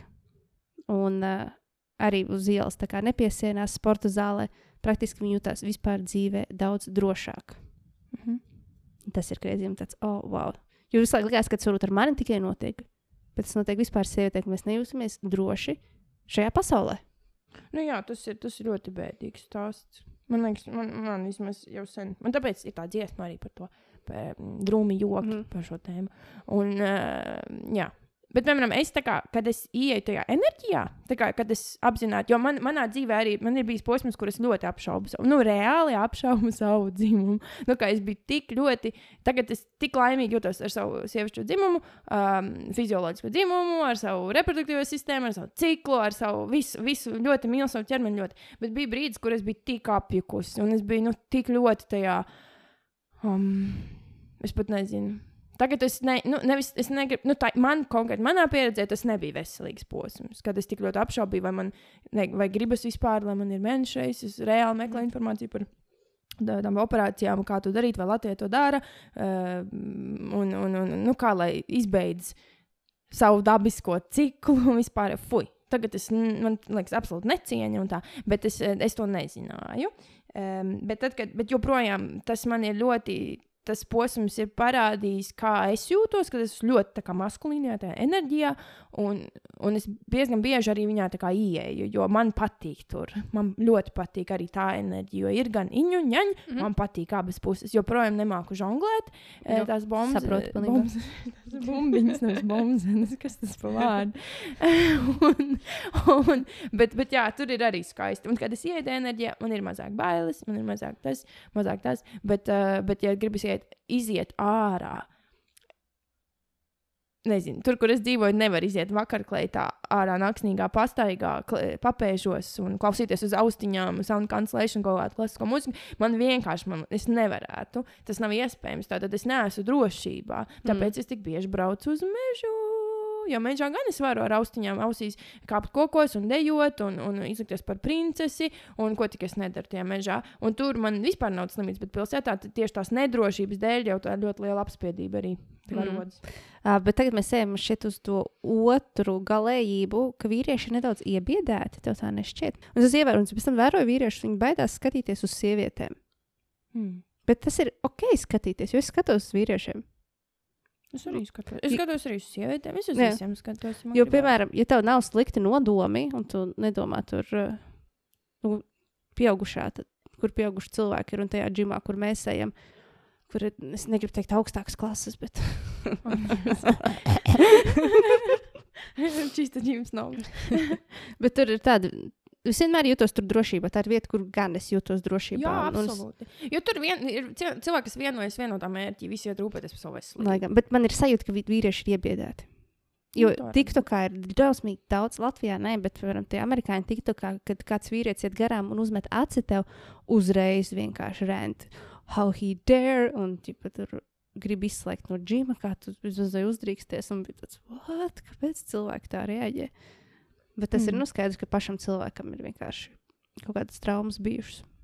Man, man šķiet, ka tas ir nenormāli komplicēti, jo katra Mm. situācija ir atšķirīga, Jā, jā, motivācija ir atšķirīga, un tāpēc to tik grūti, liekas, apskatīt. Arī, piemēram, ko teikt? E, kas bija nesen, es kaut kur biju, bija bilde, kustīga bilde, 3D, kaut kāda mēs bijām trīs meitenes, trīs puiši, man draugu kompānija, un, un tur bija dāmas, kā glāznā ar milzīgu dekoltē, ļoti skaists krūtis bija tajā glāznā. Un, un, un uh, Robis, nu, draugs piet un pasaka, tā kā, uh, ko jūs ieraugat šajā bildē? Pirmo, un visiem ir krūts, obviously krūts. Un tā ir, jo tā kā skaistums piesaista. Mhm. Un, ja es redzu vīrieti, kurš ir, ak, Dievs, kopts muskuļi, muskuļi, muskuļi vienkārši, vienkārši uzreiz man ir erekcija. Tāpēc, ka tas ir tik skaisti, tas ir cilvēks, kas par sevi rūpējas. Mhm. Vai man patīk dibeni, ja es redzu sievieti, kas nebaidās no savu Mhm. dibeni, kas parāda, tas ir tik skaisti. Un, bet, bet man, es tā kā neju tur objektivizējot, tā kā. Tas ir tagad mans, tas ir tagad mans muskuļi, un es paņemšu, es nezinu, kā tas tā kā, kā, kā tas varētu izskatīties, ka es gribētu objektivizēt. Bet varbūt arī es ob- objektivizēju. Bet, manuprāt, es vienkārši baudu to, ka ir skaisti cilvēki, kas Mhm. par sevi rūpējas. Un, un tad man ir, man, es eju ar tādu enerģiju, un ja es eju ar tādu enerģiju, tad es arī mm, pārsvarā, izņemot dažas izņēmumu situācijas, kad ir kaut kādi galēji tumši cilvēki. Mm. Um, es pašu arī jūtos, kur tad par mani priecājās. Bet agrāk gan tā nebija. Bet tas arī ir tas, tas koncepts par to, ka mēs piesaistām to, kas mēs esam un to enerģiju, bla, bla, bla. Varbūt, jā. Un, jā. Jo, piemēram, nesen es braucu, es tieši no tavas studijas, tevis studijas braucot mājās, es izsaucu taksi, un man sagaidīja taksists, um, nu, tā kā jauns mūsu vecumā. Nevar, nu, nezinu, cik viņam gadu, bet uh, nu, uzreiz man bija, ah, nav labi, nu, nav labi sajūta. Bet Bolts, es tā kā uzticos, it kā, ka taksi ir droši. Agrāk man nebija droši braukt ar taksi. Un es tā kā braucu, un viņš kaut ko runājās, un, bet nebija tā kā patīkami. Nu, intuitīvi man bija reāli tā kā, nu, stromna. un viņš, eh, kas, kas man visvairāk tā kā izsita ārā, bija, ka viņš. Um, sāk, mēs braucam, viņš kaut ko tur prasīs, tā kā, at, nu, tā kā neatbild līdz galam. Es negribu tā kā iesaistīties sarunā, nejūtos labi. Un sāk skanēt zemenes. Un es paskatos, un tas nav radio. CD. Jā. Un man tas, šis nav ok. Šis nav ok, kaut kas te nav tīrs. Un mēs braucam tā, ka viņš piedāvā man končus. Es, akmens dievs, nē. Ko? Nē, un tad vienkārši gāju. Man pilnīgi nebija kā komfortabli redzēt, kuras, kurās durvīs es ieeju. Mm. Nu, un tad ir, tā, nu, ir tādi brīži, kuros, jā, absolūti nav droši. Absolūti negribētu būt tur um, puspliki ģērbusies vai skaisti ģērbusies. Priecājos, ka man ir satuntulēts mētelīts vispārējais. Um, tā kā, tādā gadījumā, ja es justos brīvi savā ķermenī un gribu iziet ārā no mājas savā šokiras tērpā, ja, uh, tad, uh, tad es nejustos droši. Mm. -hmm. bet, bet tāpēc es, piemēram, esmu pateicīga par savu iespēju tā kā, savu sievišķību izpaust uz skatuves, kur pārsvarā es esmu drošībā. Mm. Uh, par mani parūpējas, pārsvarā ir apsardze, par ko arī varētu runāt, jo vajadzētu vairāk apsardzes. Vispār konceptuāli sargāt tos cilvēkus, kas kāpj uz skatuvēm. Un tā tālāk, bet, uh, bet jā, tas ir forši, ka ir iespēja. Bet ikdienā ģērbties tā kā sievišķīgi un izpausties kā uz ielas. Jā, es pasties, jā, mēs arī ne. Tev ir, eh, lai mēs saprastu, tev ir naigzēķītes, liels rozā hudijs, ļoti skaists, jauns, melns bikses, bet vienmēr oversized. Nu. Oversized. Un man ir melns, uh, man ir divas dienas vecs ģimdrēms, bet uh, arī viss oversized un melns, un kā tik var paslēpties. Jā. Bet tam ir arī otrs, tā, tam ir otrs skaidrojums, ka mēs arī līdz šim varbūt neesam savā ķermenī bijuši tik komfortabli, lai atrādītu savu bagāžu. Es, es noteikti, tu, tu šitei uz priekšu, kāpēc es tik dīvaini saku runāt? tu šeit esi man soli priekšā. mm, cik interesanti. Bet es arī kaut kā to piefiksēju, jo toreiz mēs gājām peldēties. Mm. Un ieva bitniece ar perfektāko ķermeni ever. Un tagad kačā sev plecs un dibeni, lai būtu hourglass figūra vēl vairāk. Nu, tā kā ļoti skaists dejotais ķermenis. Fucking amazing. Un mēs ejam peldēties. Un mans draugs, vai jūs robis ar vienkārši savu spalvainajām kājām. Un, un vienkārši ir robis, ir robis. Un, un, un iet un pohoja pliks. Un es manācu, jā, jā, viņi savu grieži. Man ir vainagdziņš uz galvas, tā kā tautas dziesmā, ka meita iet va- jūrā un tikai vainagdziņš peld pūs. Mm. Es ceru, ka viņi nenoslīd. Anyways, um, un mēs ejam, un nē, bet jā, bitniece vienīgā ar savu perfekto dejotais ķermeni nevar iziet pliki nopeldēties. Kāpēc? Nu, kas tas ir? Nevar. Man visu mūžu ir pārmetuši par manu ķermeni, tāpēc es, es nevaru. Mēs vaļā? Tas ir, jā, tas ir jālaiž, bet es, cenšos. Man šķiet, ka ir bijis labāk. Ir, ir. Bet es, uh, jā, piemēram, iedomājieties, ka man vajadzētu kēlu fotosesiju taisīt. Es, I don't know. Es, to izdarīju. Es vienkārši Tu to nesaprotu. man arī man ir bijuši ēšanas traucējumi. Hormonālu slimību dēļ liekais svārs bērnībā, tāpēc man arī apcēla ļoti, ļoti, un, un skolā visur. Bet, bet ar visu to neskatoties to. Bet fucking- interesanti ir tas, ka man, piemēram, liekas, ka visi ķermeņi ir skaisti. Es nekad ne- nedomāju, o, šis, šis nav skaists, par kaut ko mākslā veidojot. Kāpēc par sevi tā domāju? Ļuks. Ir pilnīgs kaut kāds tur ir īsavienojums. Mhm. Īsavienojums. Na, na, na, na. Īstevī. Bet jaunajā 2023. gadā es ierosinu rādīt visiem savus ķermeņus. Un man liekas, puncis. Puncis ir vislabākā ķermeņa daļa. Kas arī Jo tur var ielikt bērnu. ielikt. wow! Tāpēc sievietēm ir tāds, nu, ka viņām nav dabiski, ka ir flata, flata š- sešpaka. To dažreiz var dabūt, bet uh, tam nav jābūt ikdienas laikam. Un tur visu laiku ir tāda vietiņa, kur varētu augt bērns. Tas mums ir dabā.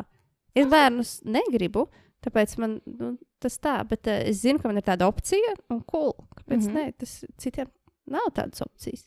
Mm. Man, man, man liekas, ir, ir tas teiciens, kā um, ch- childbearing hips. Mm. -hmm. Jeb, nu, tā kā ir plati, forši, formīgi gurni. Un tad, kā, es nezinu, vai tam ir kāds bioloģisks pamatojums, bet kā angliski tā saka, ka tad ir tā kā. Tāds auglīgs augsne, kā, kur iznāca bērns. Kādreiz pēc tā skatījās, ka sievietes skati, skatījās. sievietes skaitījās uh, skaistas, ja ir liela gurni. Mm -hmm. Man patīk. Gurni. Man arī. Gurni ro- hips don't lie. Bet es tik ļoti kačāju. viņus. es arī. Rīt man ir kāja diena. Man arī. Jūs. Fistball. Es uh, biju patīšu atpakaļ par skatuvi. Tu pateici to, ka tu jūties droši uz skatuves. Un tā ir arī tā lieta, kur es jūtos droši. Tas ir visdīvainākais, ka es tur tiešām es varu izģērbties uz skatuves. Man ir viena alga. O, tas ir o, vēl viens īsavienojums. Tas ir tik greizi. Ir citi cilvēki, kur baidās uziet uz skatuves, baidās publiski runāt, bet es tur jūtos visdrošāk. Mm -hmm. Man ir tas pats. Nezinu, kā tas skaidrojās, bet, bet tā ir. Mēs esam radītas skatuvē. Oh, yeah. We were born this way. The star is born. Jā. Don't stop believing. Um, Mums sniega sniedziņš, valdīs, mēs saucam randomas dziesmu nosaukumus, es nesaprotu šo spēli. Jo tā nebija spēle. Kāpēc mēs laiku to spēlējam? Jā. Kā tev iet? Uh, ļoti normāli. Izmē, šodien jau labi, bet, bet no, gada nogale bija tirsā. Mm, nē, Bija ļoti smaga. Un tu biji tā kā nolikusi, ka šis būs tavs uh, atvaļinājums. Bet tev nebija brīvs paredzēts. Nu, man bija tā kā brīvāks. Un es īstenībā diezgan ķipa paņēmu brīvu, bet realitātē es tā kā nu, nu, ķipa noslimoju. Nu, ķermenis atguva iztērēto enerģiju, kura nebija nekādā veidā ā, Ah, atjaunota. jā, pareizi. Mēs to nosaucām par darba holismu vīrusu. ah, jā Mums pareizi. abām piemetās. Mm. Līdz ko mēs apstājāmies nenormāli smagi strādāt. Ķermenis sabrūk. Mm. Tā gadās. Nu, tev bija dirzā gada beigas. Ah, jā, viss, kā es to secināju, ka man bija tā kā, ja es esmu baterija, tad baterija vienkārši beidzās. Mm. Un vajag nomainīt bateriju. Um, bet, nu, jāsāk no rītdienas atkal. Man jau ir salikta somiņa. Rīt 6.30 jābūt studijā. Un, un darbi turpinās. Darbi nebeidz beigties. Wī.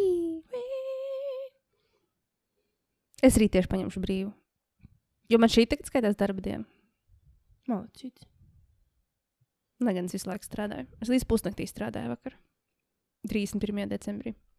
Tri- Vai 3. Cik dienas decembrī? Es pēkšņi apmulsu. Mm. Ir 3 viena, vai ne? Ir, jā, jā, jā, Jā, ir, jā, jā, jā, jā. Bet mums nevajag pārāk daudz to le lepoties, kā arī mēs to neglorificējam, jo mēs abas apzināmies, ka mums ir problēma. Un mēs tā kā tas, ka, piemēram, ja es saku, o, es visu laiku strādāju, tas nav labi, un tas nav prieka, tā nav prieka vēsts. Mhm. Jā, sekta. plaukstiņas. Jā, tas ir būvīkšķīši uz leju, Mhm. mm. un mēs mācāmies. Es arī šobrīd lasu pašterapijas grāmatu tieši par perfekcionismu ārstēšanu. Es, man ir jāieplāno vairāk brīvdienas, vienkārši defaultā, jo es tādas ne, neņemu. Ilg, ilgtermiņa posmos, un tas ir jāmaina. un Tas nav ok. Vienkārši to svarīgi pateikt, jo cilvēki man sajūta, ka es glorificēju to strādāšanu, bet tā noteikti nav. Jep, tātad man te ir paragrāfs uzrakstīts. Es neatceros, no kurienes viņu uzrakstīja, bet tas ir saistīts ar to, ko mēs runājam. Veids, kā mēs skatāmies uz problēmu, ir problemātisks, ja problēma pati par sevi. Tā mums ir bijusi ieaudzināts, un skolā mums nav mācīts, kā pareizi risināt problēmas. Mums nav tāds priekšmets vai tāda sadaļa, kā risināt problēmas. Piemēram, laika menedžments. Uh, mēs varam iet uz semināriem, iemācīties jaunas metodes, kā organizēt savu laiku un pirkt dažādas plānotājas. Vienīgais, ko tas atrisina, ir ātrumu, kādā mēs strādājam, bet nerisina problēmas. Uh, ir jārisina problēma, kāpēc mēs uzņemamies pārāk daudz un nemākam mm deliģēt. Mm. Vai deleģēšana? Fui, cik sarežģīts temats. Praktiski, jā. Tas ir Jā. uz ko mēs varētu tiekties. Tas arī pilnīgi tieši tas pats arī par diētām. Piemēram, kad cilvēki, oh, es gribu tur nomest svaru, un tas sāk nenormāls diētas. Lai gan ir tieši vairāk jāēd, bet ir vairāk arī jāsporto. Un eh, s- visticamāk, savādāk jāēd. Tas ir tāds Citādāk. citādāk. Jā. Savādi gan. Lai gan var arī savādi ēst. Kurš jums aizliegs? nu, tas, kā piemēram, es ēdu, man apkārtējo cilvēku, to cilvēku vidē, kur es biju, tajā laikā tas bija konkrēti savādi un dīvaini. Jo Mm. es izlēmu pati uz savu galvu eksperimentēt ar savu uzturu un uzlaboju savu dzīves kvalitāti un veselību. Bet tajā brīdī tas bija nu, tas, kādai pretestībai bija jāiet cauri optika, ārpus optika bumbiņa, kā saka. Jā. Um, kā saka, stilīgie bērni. uh, jā, tā kā jā, ir jāēd savādi. Un uh, man ir paziņa, Kristap Čojot klausies. Viņš ir cepis makaronus ar banāniem. Es zinu, meiteni, kuru vārīja gurķi. Um, Ok, mēs taisam pauzi. Ir jaunas dienas, sākums ir tā gals. Jā. Ir zauds kāds atpakaļ. Un atpakaļ podkāstā. Kā sauc tavu podkāstu? The EU frequency. Ļoti jauki. Nav bzz. Un kas bija tas otrs, kas man ļoti arī patika? Variants - veselība un. Tad es izmēģināju chat GTP, laikam saucās, es pēkšņi aizmirsu, bet tā mākslīgais intelekts, un ierakstīju, po, kāds varētu būt podkāstu nosaukums, un viņš viss tas tur randomā izmeta. Man liekas, bija veselība un spēks vai kas tāds. Mhm. Izcili. Podkāsts par veselības senioriem. Un spēku. Jauneklības spēks arī vecumdienās. Kopā ar jaunatnieci. Tas būtu tik jauks podkāsts.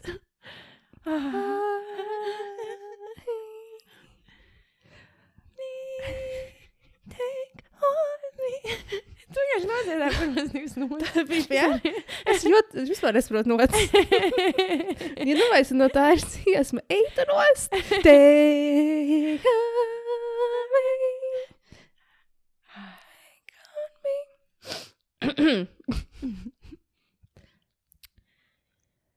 Es ir redzējusi dokumentālo stats. Es pareizi atceros tos. Tad Džona Hilla izveidoja dokumentālo filmu par savu psihoterapeitu. Nē, esmu redzējusi. Nē, esmu arī dzirdējusi. Es pusi noskatījos, jo viņa ir tik laba, ka es, man ir jāpieraksta viss, ko viņš saka. Es Mhm. viņu nespēju vienkārši noskatīties, jo viņa ir tik interesanta. Ļoti labi iesaku. Mhm. Un uh, tur es izvilku pāris uh, lietas, un es nolasīšu par vienu lietu. Labi, nenolasīšu. Bet viņi runā, piemēram, par to veselīgo dzīvesveidu, par sportu. Un Džona Hills saka, ka uh, viņš negribēja sportot. Nu, uh, viņš nevarēja atrast to konekšanu ar sportu, jo viņam tas asociēs ar to, ka viņa izskatā kaut kas nav kārtībā. Tāpēc viņam ir jāiet sportot. Mm. Ka sports ir par skaistumu veidošanu, par skaistu ķermeņa mm. veidošanu. Nevis par veselīgumu, bet tieši, hei, kaut kas man nav kārtībā, man jāiet mm. sportot. Un tā ir limitācija. Es domāju, ka daudz to neapzinās, ka tā varētu būt daudziem cilvēkiem, kas, oh, sports nav priekš manis.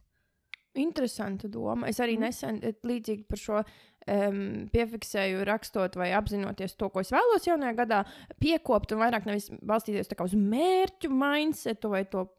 nu, Es nevis laiku izmantoju anglicismus, atvainojos, bet vairāk uz to procesa. Bet, ja es tomēr pastos uz kaut kādiem mērķiem, kurus es gribu, tad viņi nav uz vizuālo tēlu balstīti. Īpaši, mm. kad runa par sportu. Jo man, es arī vienkārši esmu, esmu mēģinājis iet uz sporta zāli, tāpēc, ka es gribu uztaisīt lielu dibenu vai kaut ko tamlīdzīgu. Mm. -hmm. Bet man tas nemotivē. Mani motivē tas, ka es gribu, piemēram, konkrētu skaitu reižu varēt pievilkties, vai uztaisīt platošu pagaidu, kas man es esmu tik tuvu, es tā gribu varēt.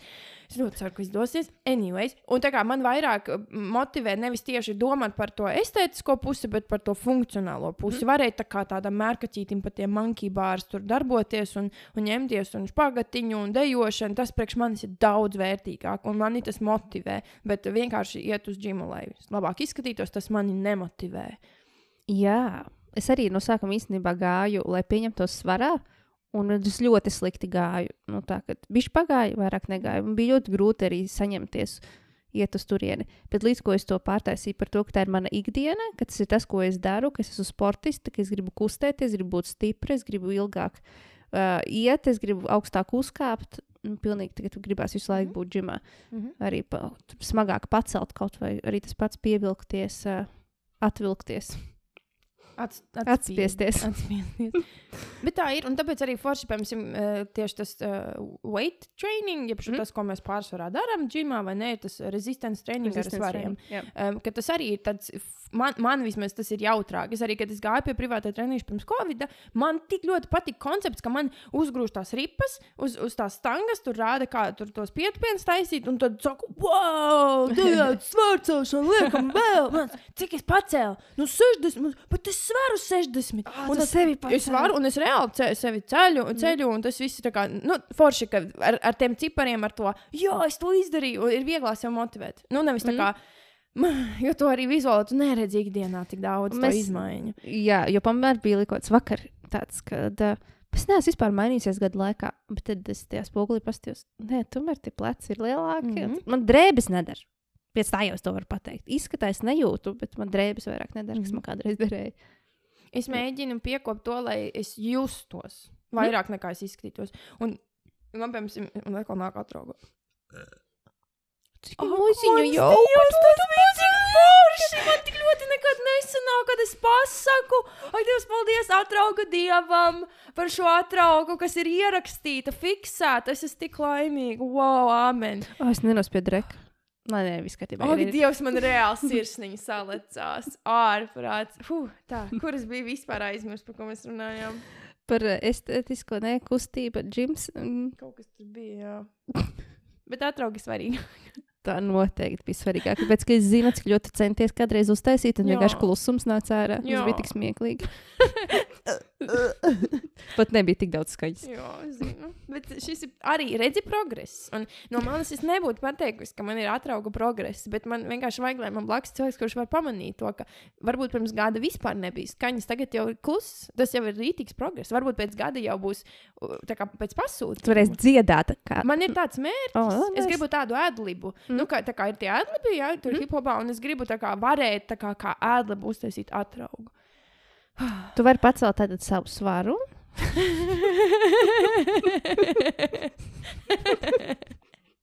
jā, mm. bet es reāli izpildēju. Jo man arī dažreiz ir tā, ka es zem 60 svaru un es varu 120. Jā, cik es varu pacelt ar kājām? 40, 80. 120, 120, 40. Kas it kā nav baigi daudz, bet priekš man tas ir tik nenormāli daudz. Mhm. Uz tā atspiešana, Log, kur leg press, long Mhm, press, mhm, mhm, leg press. mhm. Jā. Leg pressā. Jo man arī mērķis nav īstenībā daudzums, bet vairāk tieši tā funkcionalitāte un eh, kā mans ķermenis kustās. Jo nākotnē paliks aizvien teorētiski sliktāk, ja mēs neko nedarīsim. Bet, ja mēs darīsim, mums būs vieglāks vecumdienas, mēs varēsim lekt pa tām trepēm. Labi, trepas ir sāpīgs temats. Uh, Mhm. staigāt, kustēties, kaut vai pleci. Daudz cilvēku nesaprot, kāpēc viņam uh, nav šī kustība amplitūda. Mhm. Viņš vienkārši netiek kustināts, un ar visiem šiem vingrinājumiem tas ir iespējams. Ha! Man te ir testiņš. Wow. Lūdzu, ne matemātika, lūdzu, ne matemātika. 5,5. Ko es tev? Bet redz- 25. Tas, ka mums atkal kopīgs ir, ja man pasaka kaut kāda matemātiska uzdevuma, man ir vienkārši tā kā aizslēdzas smadzenes, tā kā tādi dzels vārti. Man liekas, ka tas ir bloks. kaut kāds Man liekas, Jo, nu, trauma no jo, matemātikas. Primitīvā matemātika balstās daudz, kur arī mūzikā, piemēram, ir ļoti daudz. Mūzikas teorija ir vienkārši tāda basic matemātika. Un daudz kas, kas balstās to matemātiku, bet tas bloks īstenībā ir. Visums ir matemātika. Mm -hmm. Tāpēc es mīlu matemātiku. Es manifestēju šobrīd. Es mīlu matemātiku, man padodas matemātika. Paldies. Nu, es, uh, testa nosaukums ir How healed are you? Vai. Pareizi, viss ir latviešu, bet es nevaru iztulkot, cik ļoti sadzīst to esi. Cik sadzīstos. ļoti jauki. Tāpēc ir jautājumi, dažreiz iz, izklausīsies. Tad jūs varat paņemt lapiņu vai paši galvā, uh, izdomāt, uh, izskaitīt. Tad desmit jautājumi, ja tā atbildi yes, tad ir, uh, nu, tas ir vairāk hild nekā no, un no ir tad slikti. Yes, and no. Vai man pierakstīt savu rezultātu? Tu vari pierakstīt. Nu, labi. Es gatavoju. E, jā. Mūziku studijā. Tudum. Nu. Pirmais. Es mīlu sevi bez nosacījuma, un es uzskatu, ka esmu pelnījusi mīlestību. Ja yes or no, jā vai nē. Mm, drīkst komentēt? Jā. Um, ar prātu, jā, bet praksē zinu, ka nē. Tieši arī tas šķiet būs visiem Jo darboholisms arī ir viena no tām lietām, ne? Kas, eh, kas liecina par to, ka es nejūtos gana labi, ka es nejūtos spējīgi apsēsties un vienkārši būt. Ok, zinu, kā mēs sāksim bišķi vēlāk šo testu no jauna, jo es gribu šo te papildināt. Um, mēs sēdējām pie manis, runājām tieši par to darba holismu, ka mēs jūtamies vainīgi par to, cik daudz mēs strādājam. Un, bet, ja mēs gudri strādājam, daudz strādājam, ir ok, un mums likās, ka tā nav sievišķa enerģija, bet tā ir vīrišķa enerģija. Mm. Bet īstenībā tas, ka mēs radām kaut ko, tā ir sievišķā enerģija. Un kurš ir nolicis šos ten, laikus, cik daudz ir jāstrādā un cik daudz nav jāstrādā? Tagad mēs sākam justies slimas un slikti. Jā, tas ir par daudz, bet mēs to zinām. Bet teorētiski daudz strādāt ir arī sievišķā enerģija. Tā nav tikai vīrišķā. Un uh, par to es gribēju. Tāpēc, jā, mēs strādājam par daudz, bet uh, mums ir šobrīd tāds ceļš jāiet. Nu, viena no lietām, ka es zinu, ka es personīgi, nu, konkrēti man tā pieredze, ka es zinu, ka es to daru neveselīgi daudz, ir tā izdegšana. Tad, tad mm Mhm. -hmm. es daru to par daudz vai nepareizi. Bet tu redzi, ka tu izdevies, tas jau ir tik liels solis, jo, piemēram, kādreiz es vispār neredzēju. Un tu jau Jā. arī visticamāk, ne. Nu, es neredzēju, agrāk, tagad es redzu, bet es tāpat vēl neesmu nonākusi punktā, kur es spēju to novērst pirms mm Mhm. -hmm. tas notiek. Tad, tad preventatīvā kaut kāda darbība man vēl nav attīstījusies, tāda diagnostika laicīgā. Uh, lai gan ar prātu es to zinu, bet praksē es to nevaru izdarīt vēl. Nu, tāpēc, bet šis gads, jā, šis gads več, vienkārši cits cit dzīve. Jo man liekas, ka tu tik daudz ko esi atteikusi. Ja domājies, cik daudz esi atteikusi, un tāpat tu izteici. Jā, un starp citu, viena no lietām, ko es kladītē rakstot, kā savus pagājušā gada sasniegumus, es rakstīju ļoti daudzus. Nē, nu, ka es Mm. pateicu, nē, e, bet ar to nepietiek. Un ka tā ir, tā ir nu, lai būtu kaut kāda panākuma, lai tiešām būtu panākuma un sasniegt lielas lietas dzīvē, ir jāpasaka vairāk nē nekā jā, manuprāt. Mm. Um, un, un, un tas arī nav viegli. Bet praktiski mēs sev būvējam, mums vienkārši netika doti šie rīki, tad, kad mēs augām, uh, lai strādājot, mēs neizdegtu. Jo daudz strādāt ir ok, ja mēs zinām, uz ko mēs ejam un kāds ir mūsu mērķis, un mēs radām kaut ko jaunu, esam inovatīvs un strādājam savai dvēselē, ir ok, bet mēs šobrīd šajā ceļā mācāmies, uh, kā tad neizdegt. Mm. Tad tas ir ok, tas mācību process. Viss ir ok. Mēs nepārmest sev. Jā, Jā. pai, pai. Jā, tieši tā. Sākam no jauna. Ok, testiņš. Es pierakstu. Tātad, cik daudz sadzīs tu esi? Es vēlreiz sākšu ar Mhm. pirmo. Ja? Es mīlu sevi bez nosacījumiem, un es uzskatu, ka esmu pelnījusi mīlestību. Otrais. Es neveidoju attiecības, lai paceltu savu pašapziņu. Es zinu, kas es esmu. Es zinu, ka es esmu viss, kas man nepieciešams. Šim man ir čista jau. Pēc tam, okay. trešais. Es neatspoguļoju savas traumas un nedrošību uz citiem. Ceturtais. Esmu palaidusi vaļā visas toksiskās attiecības. 5. Esmu pati atbildīga par savām problēmām. 6. Mana prioritāte ir komunicēt pēc iespējas skaidrāk un atklātāk. 7. Nospraužu robežas un nebaidos pateikt nē. 8. Kad parādās problēma, es neslēpjos, bet meklēju risinājumu. 9. Esmu pelnījusi pozitīvu pieredzi. 10. Esmu atvērta saņemt mīlestību. Hmm. Skaisti. No cik tev ies bija? 1, 2, 3, 4, 5, 6, 7. O, tas diezgan sadzījusi. Izmaiņas tā, pirmais man sabiedrēja, es domāju, ka nu viss. Bet nē, nē bija diezgan labi, diezgan labi. Es atbildēju nē vienīgi uz, uz pirmo, septīto un astoto jautājumu. Varbūt mēs varam tos pastīties. Septītais. Tad atbildēja nē. Jā, kas Septīto. Nosprauž robežas un nebaidos teikt nē. joprojām es kliboju ar to. Ah. Nu, es, es esmu progresējusi, jā, bet jā. es ļoti, ļoti slikti tas notiek. Mm. Piemērs, kas tagad ir, kāpēc man ir vieglāk to darīt, ir nevis tāpēc, ka es to pati daru, bet šobrīd to pašu dara mana menedžere. Mm. Un tas arī tā kā, tas nav izvairīties no problēmas, tas ir normāls mākslinieka attīstības posms, kad, kad viņi pārstāv menedžers, bet eh, tas, cik daudz es ne, tomēr saka, man menedžeri, nevis es pati, un es uh, tagad mēģinu, tikai mēģinu iemācīties bezpersoniski palūgt šo pašu jautājumu novirzīt pie menedžers, jo mēs tiešām visu apskatām kopā. Un, uh, tāpat kā tā skaidrbildīte uzreiz priecīgi sūta viņai atskatīt mm. un visu sarunāt, un tā, tā tāpat jebkuru jautājumu. Bet uh, tādā ziņā es pati vēl to nemāku darīt. Īstenībā, esot tev blakus, ir tik traki, ka cilvēki tevi satiek un viņiem uzreiz vajag kaut ko no tevis. Mm. To es esmu ievērojis. Uzreiz, oh, kāds projektiņš, oh, kaut kur sazināmies. Un, jā, tu nesaki, nē, tu uzreiz, "Mm, man menedžerīte. Jā, jā. Jo tas, ir- tas ir Mm. mm. ļoti grūti. Mhm. Mm. Un, uh, jā, jā. Tas, Bet cik daudz cilvēkiem no tevis vajag, tas ir crazy. mm. Astoņi pinē. Pagaidzi, pateikšu, man, man jāatver telefons. Es nemāku to tik ātri. Jā, astotais bija nē. Kad parādās problēma, es neslēpjos, bet meklēju risinājumu. Man šis arī bija nē, ja es slēpjos uzreiz. Jā, jā. Es arī īpaši, kad ja runa par kaut kādu, tur nezinu, uzņēmējdarbībā kaut kas, vai manā pašā izaugsmē kaut kas, tad, protams, es uzreiz, man tāds, es skatos spogulī, es to darīšu. Nu, it kā vismaz Mhm. liekas. Bet tad, kad ir runa par sociālām situācijām, Kad ir konflikta situācija, Jebā, es esmu prom. Es esmu tur jau senās. Tā kā multe, multenēs, tie paceļās gaisā un kaut ko pazūd. Tas ir greizi. Paliek mākonīts tikai. Mm. Es esmu tagad uzzinājusi konkrēti, ka es esmu tas avoidant. Mm. -hmm. Cilvēks, kurš rītīgi izvairās. Un uh, nav viegli. Jā, jā, es, man tas, pat, tas pats. Tāpēc mēs nekad neesam strīdējušies. Jā. Kāds būs mūsu pirmais strīds? Tas būtu tik forši, ja mēs to varētu ierakstīt.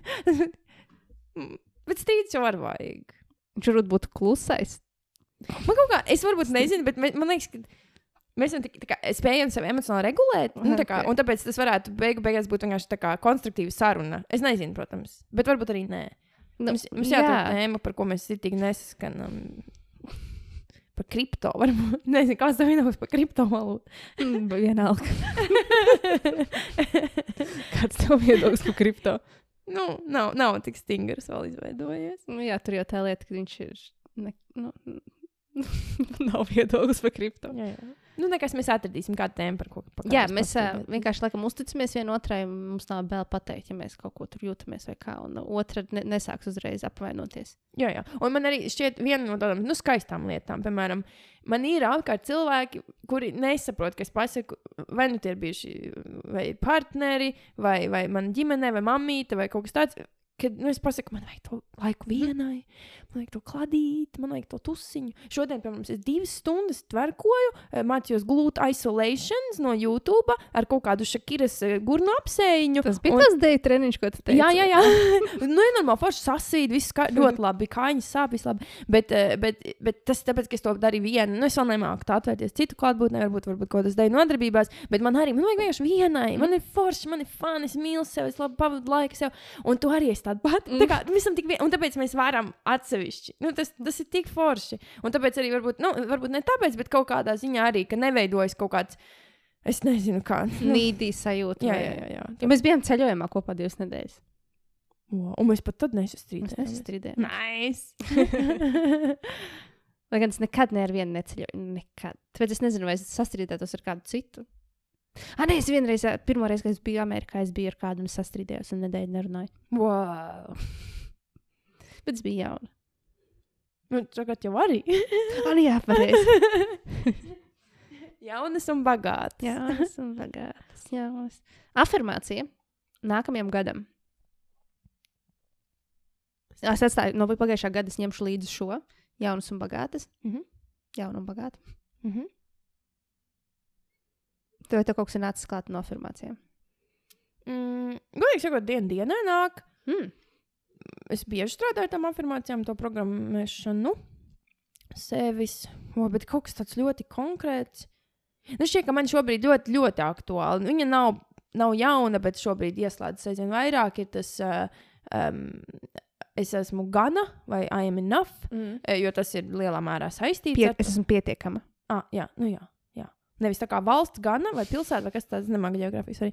Uh, bet tā kā es esmu pietiekami. Jā. Un tas arī tas skan tik, nu, ne tik forši tā Latvijas, ka es esmu pietiekami. Tā kā ir ok, bet nē, ar to, nu, tas man, man ir jāpārprogrammē sev, jo tas ir arī saistībā ar maniem pārmērīgi, pārmērīgajiem centieniem gūt panākumus un uh, visu laiku piepildīt un tā hroniski pārpildīt savu grafiku, bla, bla, bla, bla. bla. E, tā kā tas ir tāds. Valodas lietojums ir, eh, daudz cilvēki, ir dusmīgi par anglicismiem. Vai ne? Es arī mēģinu pēc iespējas vairāk runāt latviešu, bet latviešu valoda ir smaga valoda. Viņai nāk līdzi tas smagums kaut kāds. Un bija tas piemērs par to, kāpēc cilvēkiem ir vieglāk pateikt, I love you, love you, nekā es tevi mīlu. Mhm. Kaut kas tajā valodā ir viņa, es negribu teikt, sarežģītāk, bet E, Man, man ir tāds mans subjektīvais viedoklis tieši par piemēram, šo teikumu, par to es tev mīlu. Mm. -hmm. Mēs esam dzirdējuši miljoniem reižu mm. -hmm. teikumu, I love you, filmās, mūzikā, eh, bla, bla, bla, Mm. mm. latviešu. Cik bieži mēs esam dzirdējuši teikumu, es tevi mīlu. Vienkārši kad, vai vispār tas ir, nu, tas ir manā ģimenē, tas man Jā. nav. Mēs varam teikt, ka tu esi mīļš, Mhm. vai kaut ko, kad ir ļoti uzplaiksni emocijas, tad ir tāds. Nu, mī, mīļš, nezinu, kā kaut kāds tāds neirotiski izsprūgs, Mhm. kaut kas tāds, kaut kāds e, emociju apliecinājums, bet uh, tas nestrādā tā mūsu ģimenē, piemēram, bla, bla, bla, un valodā vienkārši nav šie vārdi. Tāpēc, piemēram, es arī gribu uh, savā valodā ielikt tos uh, dziesmās, piemēram, kaut Mhm. kādus teikumus, vai es, piemēram, komplimentu piroties, tāpēc, ja to mīlu tevi, es tā kā Mm. sev. Eh, Jo tas ir tā kā, tas, tas tik kriņš. lai viņš kļūst uh, ikdienišķāks. Jā, pierasts, lai Jā, austiņas jā. pierod. Varbūt jā, tas, tas bija piemērs, jā, bet piemēram arī par to healed. Un, kad tu latviešu saki, nu, healed, kā tu vēl vari pārtulkot? Nu, iz, jā, nu izdzied. Dzied, dziedināts. Jā, nu, jā. Nu, valodām ir šī patnība, bet mēs arī visu laiku patērējam angliski. Mēs patērējam angliski, jā, un kaut kā ir vieglāk, arī domāju angliski. Un galvā ir jātulko, lai es varētu daudzas lietas. Un, bet ir tādi brīži, kad es aizmirstu visas valodas. tad sēdi. Hm, ko es gribēju pateikt? Nav, ne jausmas, jo man tas Mhm. vārds neeksistē. Zinu, ko es gribu pateikt, bet nav nevienā valodā šī vārda. Tas ir tie ba- bilingual. Kas- Kas tas nevar?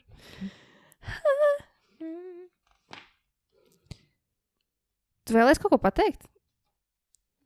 Um, es vēlos pateikt paldies savai mammai Un es un tētim. šaudauts. Šaudauts manai mammai un tētim. Un Ekhartam, manam garīgam skolotājam, kas stāv uz plauktiņa. Šis tas pēc jēzus. Jā, viņš, viņš tiešām izskatās. Viņš arī smaržo pēc vīra, foršs forš, forš kolēģis. Jā, paldies. Bet uh, kopumā tātad, uh, tu esi arī viena no tām gaismas nesējām šajā pasaulē. Vai tev ir kaut kāds konkrēts mērķis ar šo gaismu? Um, jā. Um, es mēģinu būt vismaz tādā mazāk, mazināt savas ambīcijas, to ilgtermiņu, bet tagad pagaidām šī, šī kaut kāda posma, um, un nā, turpmākā radošā posma, piemēram, nākamā mini-albuma kontekstā arī um, es gribu izgaismot tās tumšās apziņas un zemapziņas telpas, kurās es pati esmu bijusi, par kurām es esmu spējīga runāt pēc savas empiriskās pieredzes, un turienes to gaismiņu. Tāpēc arī tas saturs varbūt būs mazliet tumšāks, bet nevis tāpēc, ka es pēkšņi esmu kļuvusi ļauna vai kaut kāda kas tur, bet tāpēc, ka es esmu tur bijusi agrāk, es tur vairs neesmu, bet es zinu, kā tur ir, un es tur iedesu lukturīt. Es mm. paspīdinu, tā kā mēģinu parādīt um, ārpasaulē, kas, kas tur darās tajā. Ģipa pagrabā, kā es to saucu, vai pie tiem dēmoniem. Tāpēc šobrīd man ir tas, eh, es ļoti bieži sev izmantoju to apzīmējumu par to gaismas nešanu, par lukturīti vai, vai, vai, vai es arī dažreiz tā, es kaut ko domāju, ja, es esmu lukturīts, tad, piemēram, kas ir Renārs Kaupers, tā kā ugunskurs, ja es tā kā, es nezinu, huge latērna, es nezinu, tā kā prožektors, prožektors bāka, un ka katram cilvēkam, kas, kā, kas nepārprotami iet ar mīlestību gaismu, nu, ka viņam tā kā tas spožums ir, uh, nu, cik, cik spožs, cik spožs ir tas gaismas ķermenis? Un tad es arī noteikti apzinos to un gribu viņu audzēt. Cool, es tev piemetīšu malku. nice. Lai ir spožāk. Šogad, ā, vai tev ir paredzēts kāds liels pasākums? Es zinu, nevar teikt, ok. Tik smieklīgi. Vajag Man uzsākt tematu. būs dzimšanas diena maijā. Yay! Un es uh, domāju aizbraukt uz mežu. Tu kaut kur ārpus Latvijas brauksi? Šobrīd vēl nav konkrēta plānā, jo visu laiku ir iebukoti darbi un projekti. Sākās. Ne, tāpēc es uh, mēģināšu kaut kā sevi salauzt un tomēr braukt. Jo, jo bailīgi. Ja tu liec šim te vārdu salauzt, kas ir negatīvā diezgan nozīmē, vārds salauzt. Nē, salīmē. drīzāk, drīzāk tieši jā, ka tu priekš sevis tas tev ir nepieciešams tev. Mm Un tas nāks par labu, un tev nekas nav jālauž. Tev vienkārši ir jāiet, jānobuko flight, un pēc tam visu sakārtos. Tā ir, tā ir, tā ir taisnība. Es vienkārši cīnos vēl. Jo, kā tu esi pieredzējis, ka mēs aizējām Jā. izdzert kafiju un ir tur zvana telefons, kaut ko piedāvā, e-pastu, e-pasti. Tev vajag darba telefonu. Man liekas, ar telefonu. Un man vajag iemācīties vēl vairāk teikt, nē, jo, jo joprojām ir pa daudz vienkārši. Pa daudz. Brauc man līdzi. Brā, uz kurieni? Uz Losandželos. Nu, labi. Ok, labi, braucam. Tā mēs arī nobukojam to Grieķiju. Vienkārši bijām Jā. kaut kur pie Alfas, bijām uz džimu. Mēs džimā bijām. Jā. Jā, un tad vai braucam uz Grieķiju. Braucam. nu, labi. Mums bija tās, pā, mums bija tās, tās barona centra bomžu balsis to laiku. tik. Un tad mēs uh, sadziedējāmies. jā. Es arī es vakar tajā spānā, ja, kad es biju un peldos tur uz basēnas, un man tāds, oh, cik forši bija Grieķijā. Nu, ar to visu peldēšanu. Nu, cik tā peldēšana. Es neesmu tā peldējis kopš Grieķijas. Pats jāiet uz basēniņu. Aizbrauksim uz Tallinu, pareizi. Mhm. Tallina. Bet augstums. Kā tev patīk augstums? ļoti labi. Telefoni. Man patīk augstums, eh, bet es mācos pieņemt to s- konstantu augstumu, kas ir Latvijā. Um, vai nekad ir kontrasts augstums? Man ir rītīgi cepi, šogad vairāk peldu, arī tajā ledū, ja no āliņa, ledū, ne, bet āliņģi.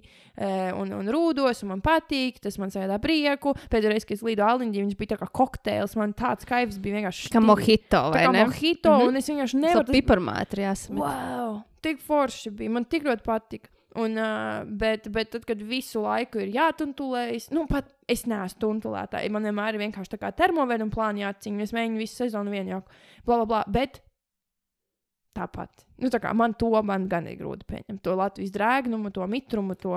Jā, nu šodien tīpaši ir vienkārši migla, līst lietus un Lietas nolīs.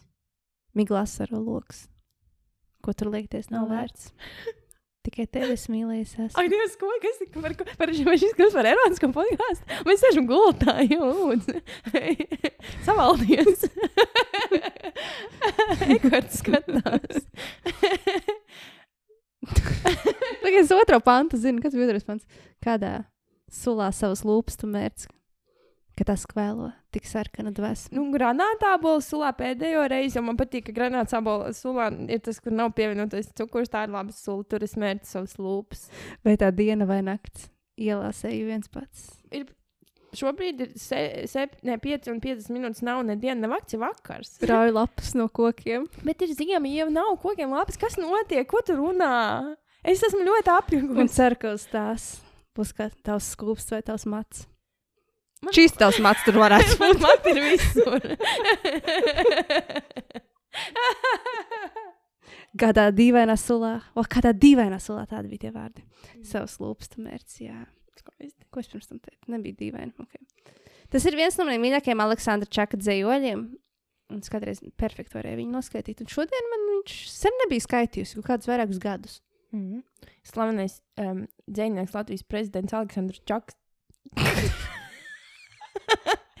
Aleksandrs Čaks. te. Viņš slūdz. Šis ir nozagts joks no man drauga. Mēs bijām brāļu kapos un mēs ejam pie Čakstas pieminekļa un viņš vienkārši pilnu nopietnību. Tu zini, Robi. Un uh, Roberts Jā, Silavs. Viņš mums pirmajā podkāstā bija. Jā, un viņš vienkārši ir tāds super akmens seju, sāk man stāstīt par to, cik viņam rītīgi patīk. Pirmais Latvijas prezidents, kas bija arī dzinieks, Aleksandrs Čakste. Es tagad es saliku kopā Jā, čakstu. Un viņš tik nopietni kā jau komiķis, un es vienkārši nesaprotu, viņš tā kā ir pilnīgi, kas viņam ir.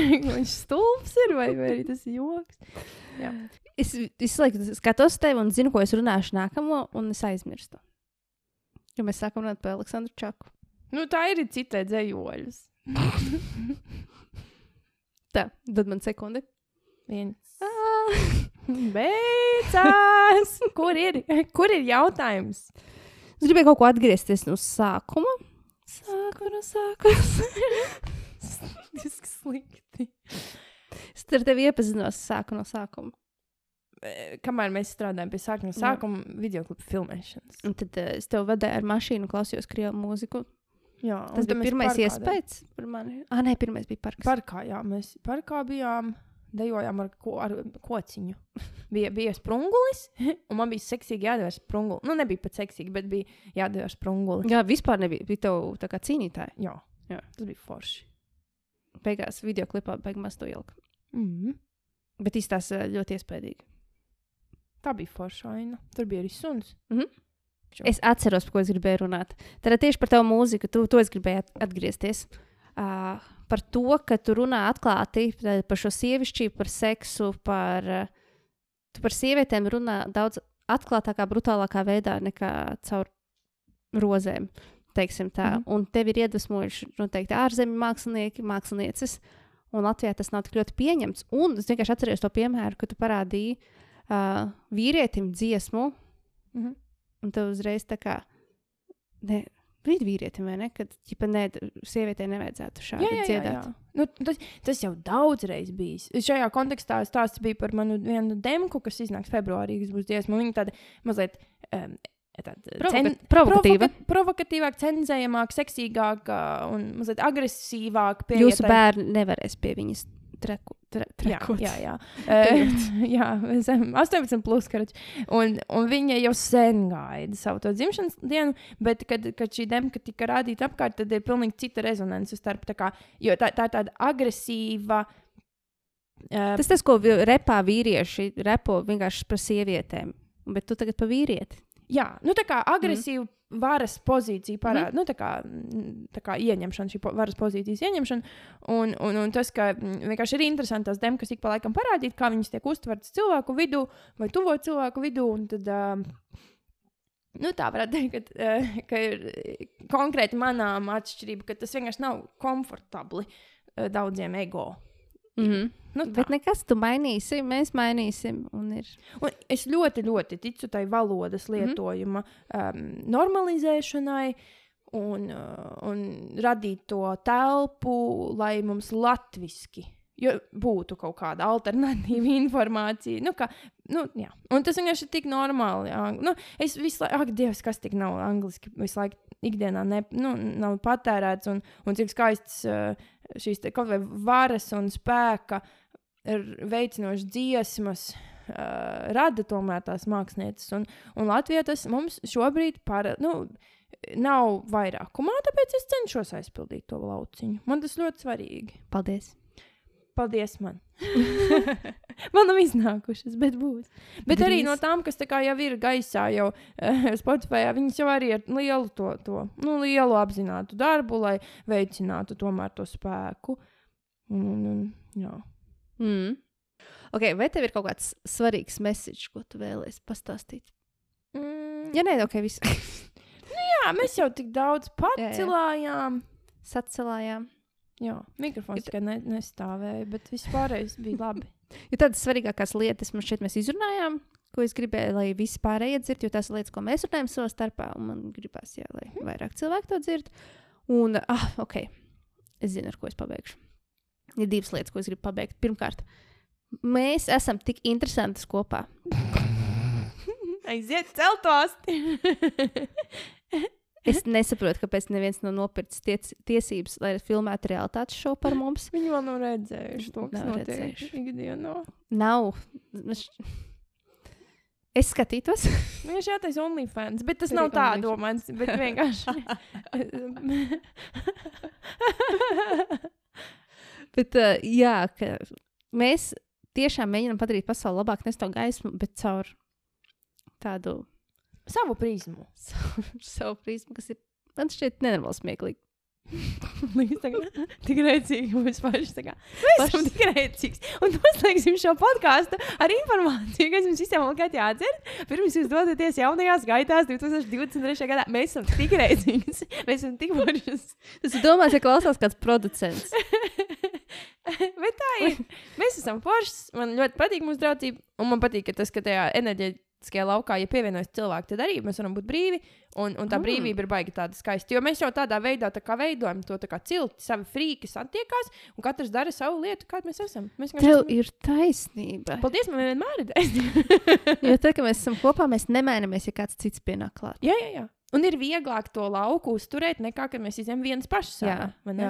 Tā kā, piemēram, vakar spājas ļoti strādāja pie tā, lai es būtu savā dīvainībā. Vai mm Mhm. -hmm. ne? Es bučoju savu ķermeni pirtī, jo es staipījos, un man bija tāds mīlestības tā kā meditācija ar sevi. E, un es ļoti stingri turējos pie tā. Man visi tur tā kā tajā, visi tādi mm, ieceļotāji. vispār, jā, man liekas, ka tur nebija latvieši. Va, Ne- nu, bija daži, bet pārsvarā tomēr Mm. ārzemnieki. Bet es arī esmu ar savām mazajām peldbrillītēm un ausājas bažņiem. E, ņurkoju zem baseinā, zem ne, bet baseinā un, un taisu to mīlestības to lietu un visu. Un, un ņemos un, un cenšos maksimāli ieturēt to savu, paturēt savu, ko es darītu, ja es būtu viena pati tajā spā. Tā kā ignorēt citus, bet to ir vieglāk izdarīt, tad, kad mēs esam kopā. ne? Mhm. Un jo vairāk savējie, jo vairāk mēs nu, neizliekamies normāli, jo vieglāk dzīvot visiem būt. Jo kas ir normāls? Normāls nav labs vārds. Jo mēs esam mēs, un uh, ir nepieciešama vairāk šis childlike uh, tā uzvedība. Pārāk nopietni mēs uzturam dzīvi. Nu, tas gan jau. Jāļauj savam Mm. mm. iekšējam bērnam arī rotaļāties. Mm. Mm. Viņš tur joprojām ir. E, un, un, un, un, jā, vienkārši tik ļoti, man tas tāpēc dažreiz tik ļoti smieklīgi liekas, nu, nu ka tik nopietni viss jau. jo, bet mēs esam nopietni, mums ir savi uzņēmumi. Mēs esam karjeristas, bet mēs esam tajā pašā laikā. Uh, mēs Absurds. Absurds, tieši laikam ir tas vārds. Ja skatās no malas, ir cilvēki, var redzēt, kuriem ir nērti. Tas nozīmē, ka nu, viņiem pašiem jātiek galā ar to, ka tas nav saistīts ar mums, ka mēs esam nērtas, bet ka, kāpēc viņiem ir nērti? Jo mēs esam ērtas sev. Tas nozīmē, ka ir viss Mhm. ok.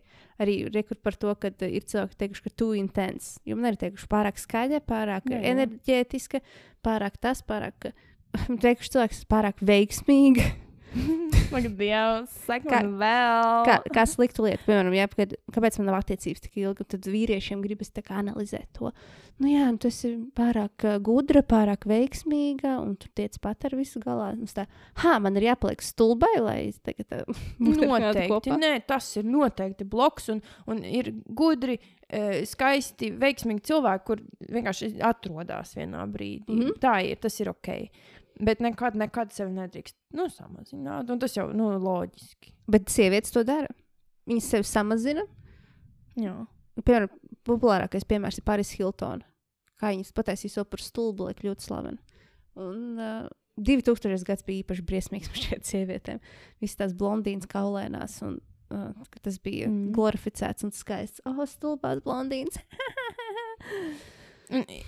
Kaut kādā ziņā, tad, kad es, piemēram, es piefiksēju pirms dažiem gadiem, ka es vienmēr esmu bijis tā, ķipa, nezinu, tur studēju filozofiju, labas Mhm. acīm, mm. vienmēr strādāju rukā, vienmēr tā kā ļoti nopietni, vienmēr man tā kā draugi ir vecāki par mani, vienmēr man ar tiem pieaugušiem ir jautrāk, es ar vienu no tiem netusēju un jaunākam tēls, un visu laiku kaut kāda snobiska attieksme, un visu laiku šausmīgi nopietnība. Es visu laiku biju tik pieaugusi un es nespēju Jā, iedomāties. un es apzināti pieņemu lēmumu sevi padarīt ķipa stulbāku, ļauties jokam, prikoliem, vairāk. Bet tas uh, prikols nav stulbums. Nu, nav, to- jā, bet man vajadzēja tā kā palauzt sevi. Un arī tas, piemēram, tas imīķis uz āru, ko es tā kā veidoju, tā kā, nu, līdz šim es tagad baigi neaktīvi esmu sociālos tīklos, bet līdz šim, kas ir bijis ļoti tāds, nu, eh, caur humoru, caur vieglumu, mm. caur joku, jo man vienkārši apnika izlikties nopietnai un, un būt nopietnai. Un es ļāvu sev palikt jaunākai, tā kā Jā. mentāli. Okay, jā, šis ir tāds arī labs piemērs, ka šis ir ok, ka caur joku, bet tu esi tu, jau makes Jā. sense, ka tā, kas, ka mēs jokojam un esam tādas, uh, es ne- nezinu, negribu nevienu apvainot, izmantot kādu vārdu, bišķi atpalikušas. Mēs uh, dažreiz tā uzvedamies. Jā, ar to um, nāk, kā lai. Nu, jā, to absurdo. Jo tā kā mēs tā kā neiekļaujamies normās, tas būtu mm. -hmm. kā ar kaut kādu novirzi, kas kā ignorē to, kāda būtu, kādas būtu sociālās normas. Jā, jo to mēs speciāli darām, lai laustu to, lai tas būtu mm. skaidri redzams. Nevis tāpēc, ka mēs tādas Akcentēt. esam, bet mēs to darām, jo tas mūsu tipa joks, mūsu mm. tipa humors. Pasmieties par to, cik cilvēki ir nopietni esot. Jā, un, un piemēram, es arī ja es tā, skatos, nu, man vienmēr zinu, apzinos, ka ir kaut kāds iedvesmas. Tad bērnībā viens no maniem iekiem, tā kā komiķiem un vispār filmām, un viss bija Eisventūra. nu, vienkārši bomba, jā, un, un šī, tātad es nemāku, nepārzinu humoru žanru, zinu, ka cilvēki, kas to studē un, un Mhm. pārzina, Mhm. bet, eh, bet šis te tādā absurdības kaut kādā virzienā, tas bija man nenormāli patīk. Man nenormāli patīk. Es tik iedvesmojos ļoti daudz, un tagad es arī jūtu. Mm. Um, es kaut kad nesen redzēju to. Um, Lauris Zalants bija kaut kur, kaut kādā Helvīnā vai ko saģērbies. Tā kā es viņu tur tajā ainā, kur viņš trakonamā bija ar tādiem svārciņiem un slo, pa, palēninājumā skrēja Jā, jā, tā kā jā. amerikāņu futbolists. Vienkārši 20,000 reizes esmu redzējis, man bija tāds, nice, respekt. Yeah! Savies. Yes, yes, yes. un tas tik forši ir. Jā, un, tā un, un tad atgriežoties pie tā, kad es saku, ka sievietes paliek stulbākas, tas ir domāts pret vīriešiem, tad viņas tiekas, tad viņas tēlo, ka viņas kaut ko nevar vai arī negrib aizskart vīriešu ego un uh, mazāk turpina mācīties vai nu, pie, pakļaujas. Bet tas nav jādara, lai iegūtu partneri. Jūsu īstais partneris pieņems jūs tādu, kādi jūs esat. Jā. Es neesmu satikusi tādu sievieti, kas tā darītu. Oh, jā, oh, Jā. my God. Bet es apzinos, ka tā varētu būt. Es, es ļoti Nu, vismaz apzināti, kas to darītu. Nē, Varbūt- Nā, nē, nē, nē, tas nav jau apzināti. Tur jau tāda, ka tas nav apzināti. Mm. Un tad, piemēram, kad tev pasaka, ka tu esi pārāk veiksmīga, pārāk gudra, vēl, ja kāds pateiks, ka pārāk skaista, pizdiets, es atvainojos. Vienkārši, ko tas vispār nozīmē? Kāds sakars? Mhm. Tam nevajadzētu būt tādam aspektam. Vienkārši Mm. Tā vai mēģinam visi būt uh, Wow, bet labāk interesanti. savas es, tik, es nesen redzēju, negribu atsaukties uz kas tas bija, kas to teica, jo es varu sačakarēties. Bet bi, man liekas, ka Jordan Peterson, mm. Mm. anyways. Mm. Bet tā atziņa, ko viņš teica, man lika padomāt. Un viņš teica par to, ka um, viņa gadījumā tā kā konkrētiem adresēts video konkrētiem vīriešiem, kas um, uh, savas nedrošības dēļ programmē savu dāmu, savu līdzcilvēku. Samazināt savu skaistumu. Jeb šo, mm -hmm. Ja ir ļoti Mhm. skaista sieviete, un viņi iziet kopā ārā, un viņai tiek pievērsta uzmanība, tad pasīvs, agresīvs pasīvi-agresīvas uzv uzvedības tā kā, rezultātā um, to skaistumu, to pucēšanos apspiež. Un tad es atcerējos vienkārši savu pieredzi ar vienu no saviem bijušajiem, kad es biju jauna un stulba. Un, uh, man, bija, man bija, nu, es biju ļoti jauna un stulba. Un es arī es biju, vienmēr es esmu bijusi tāda koķeta. Man ir tā Mhm. seksuāla enerģija vienmēr bijusi brīva, Mhm. līdz es viņu sāku apspiest hroniski, un tas radīja daudz veselības problēmas. Anyways, es biju koķeta, bet tādā foršā veidā, un gaiša, un, un, un tāda Tas, Dzirkstoši, un man tas acis un smaids. un Man gribas, man Jā. patīk, man patīk runāt, pieskarties. Kad mm es Mhm. biju Brazīlijā, es sapratu, cik tas ir skaisti, bla, bla, mentālitāte. Viss. Un, un savukārt mans bijušais, kurš negribēja dejot nekādu, bet man gribas dejot. Mm. Es, ja es izēju uz deju placi ar to enerģiju, tad man nāks, man uzlūdz dejot citi cilvēki. Tas tā notiek. un tad visu laiku pret mani tika vērsta kaut kāda tā kā agresīva sajūta, ka man nevajadzētu tā darīt. Man vajadzētu klusi sēdēt blakus, kamēr viņš tur gudri dirž ar saviem draugiem. Un, un, un dzer alkoholu, kas man arī nepatīk. Man, mm. man ir goda kustība, trauc. Es nevaru, man jāiet kustēties, es nevaru nosēdēt. Bla, bla. Un es jūtu, ka arī tas man tā kā programmē, ka, ja es tā daru, tad es tipa, nezinu. Speciāli koķetēju ar citiem, vai es tā kā, nezinu, tā kā pie, uzprasos. Nē, vienkārši, ja es ar tevi dejotu, ja tu nāktu dejot, piemēram. Bet tas arī man tā kā lika apspiesties, kļūt šai nopietnējai. mm, Klusajai, redzam, la, la, la. pakļauties. Jā. Jā, bet nu, tā bija traka pieredze. Jo tā mums jau māca būt, nu, iziet uz kompromisu, bet dienas beigās mēs saprotam, ka tas nav kompromiss. Ka mēs vienkārši Nu, jā, Tiekam. nevajag sevi samazināt. Mēs esam skaistas enerģijas, un viņas tikai tā liesmiņa izdziest. Bet nē, neļaujiet nevienam savu liesmiņu aiztikt. Jā. Par alkoholu. Mēs jau beidzam tik ilgi. Tā tas tā kā tāds nobeigums. Jums patīk, ka te mums arī ir vienādi uzskati par alkoholu, kad uh, mēs ļoti labi varam bez tā dzīvot. Uh, ir ok nedzert. Tas vienkārši ir ok. Ir ok, drīkst, un nav jāprasa, vai tu esi stāvoklī vai Jā. kaut kas tāds. Jā, jo tagad es augu, nebija ok nedzert. Bija visi šie te, tu man necieni. Vai Arī, ak, ak, man īstenībā pirms pāris mēnešiem to pateica. Ķipa, tad tas ir garlaicīgi, ja tu nelieto alkoholu. Vai arī kā tu kaut ko jaunu piedzīvo, vai arī kā tu izklaidējies. Vai, Kam vispār tam nepieciešams alkohols? Bet ir tik daudz cilvēku, kas ir ieprogrammēti, ka tu vari izklaidēties, piedzīvot kaut ko, būt spontāns. Un, Vai tu kaut ko spontāni kādreiz dari? Mhm. Jā, man nevajag alkohola tam, bet daudz uzskata, ka tam nepieciešams alkohols. Bet, ja kāds jauns un klausās, vai arī vecs, vienalga, nē, tev nav nepieciešams alkohols. You're okay, how you are. Jā, drīkst. Mēs esam tādi, kas mm. to nedara pārsvarā. Ir reizes, kad var iedzert kaut ko Mm. garšīgu, ja gribās. Un, ja negribās, tas nav jādara, nav jāpaskaidro. Tas Mm. mm. ir ok. Jā, tas, kad ir jāpaskaidro, kāpēc tu nedzer. Visi tev šito atliekam 2022. gadā. Mums nav jāpaskaidro. Trešajā. Atliekam, tā kā atliekam. vaļā. Ā, sapratu, jā. Jā, atstājam, atstājam 2022. gadā, ka mums nav jāpaskaidro, kāpēc mēs nelietojam alkoholu. Tad drīzāk jāpaskaidro, kāpēc tu dzer. Mhm. Ja man tā, tā gribas ir, kad es gribu iedzert, tā, ah, nu šodien varētu to balzāmiņu. Vai arī, ka mēs dzērām tos kokteļus, mēs izmēģinājām Mhm. daudz jaunas kokteļus. Grieķijā, jā. Grieķijā. Fancy. Tikai tāpēc, ka mēs bijām jaunā vietā, mēs gribam kaut ko jaunu, un tas izties tik fancy. Un mums lieliski deva- pārmenis. Un bija labākajiem bārmeņiem, kāds, kad esmu redzējis, un mūs lutināja, un tā bija vienkārši tā kā pieredze. Mhm. Tajā visā. Un Tas ir ok. Un tur alkohols bija 20 gramu, man šķiet. jā, jā. Tur pārsvarā bija cukurs. cukurs un dekorācijas. Jā. jā. Tā ir. Lai paliek vecajā gadā. Tāpēc ir ok. Paldies tev! Paldies tev. Cik ilgi mēs runājām? Nezinu. Ilgi. Forši. Laimīgi jauno gadu. Tas pastāsta pulksteni. Tas, oh, jā, pareizi ir tas 1. janvāris. Jā. Un, jā, laimīgi jauno gadu. Un, uh, lai kas arī ar jums notika šī gadā, atcerieties, ka jūs esat izdzīvojuši visas savas sliktās dienas. Es zinu, ka tas ir cheesy, bet man tas palīdz. Kad man ir slikti, es arī caur depresīviem momentiem, es atceros to, ka es esmu izdzīvojis visas savas dzīves sliktākās dienas.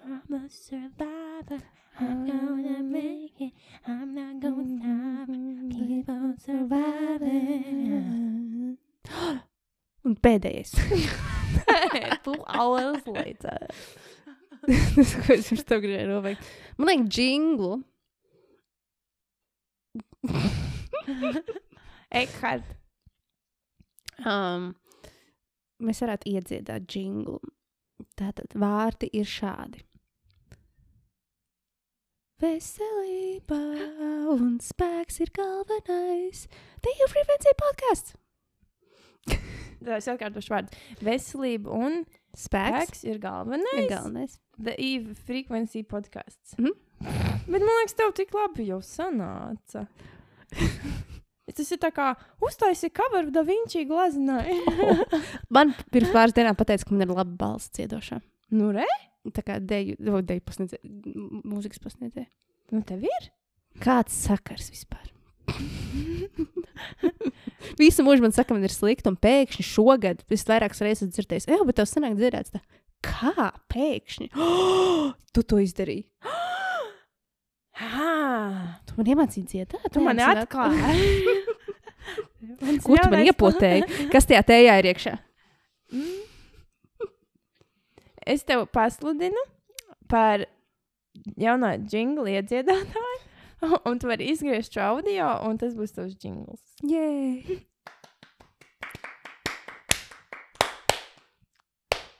Paldies! Visu labu! Pai, pai!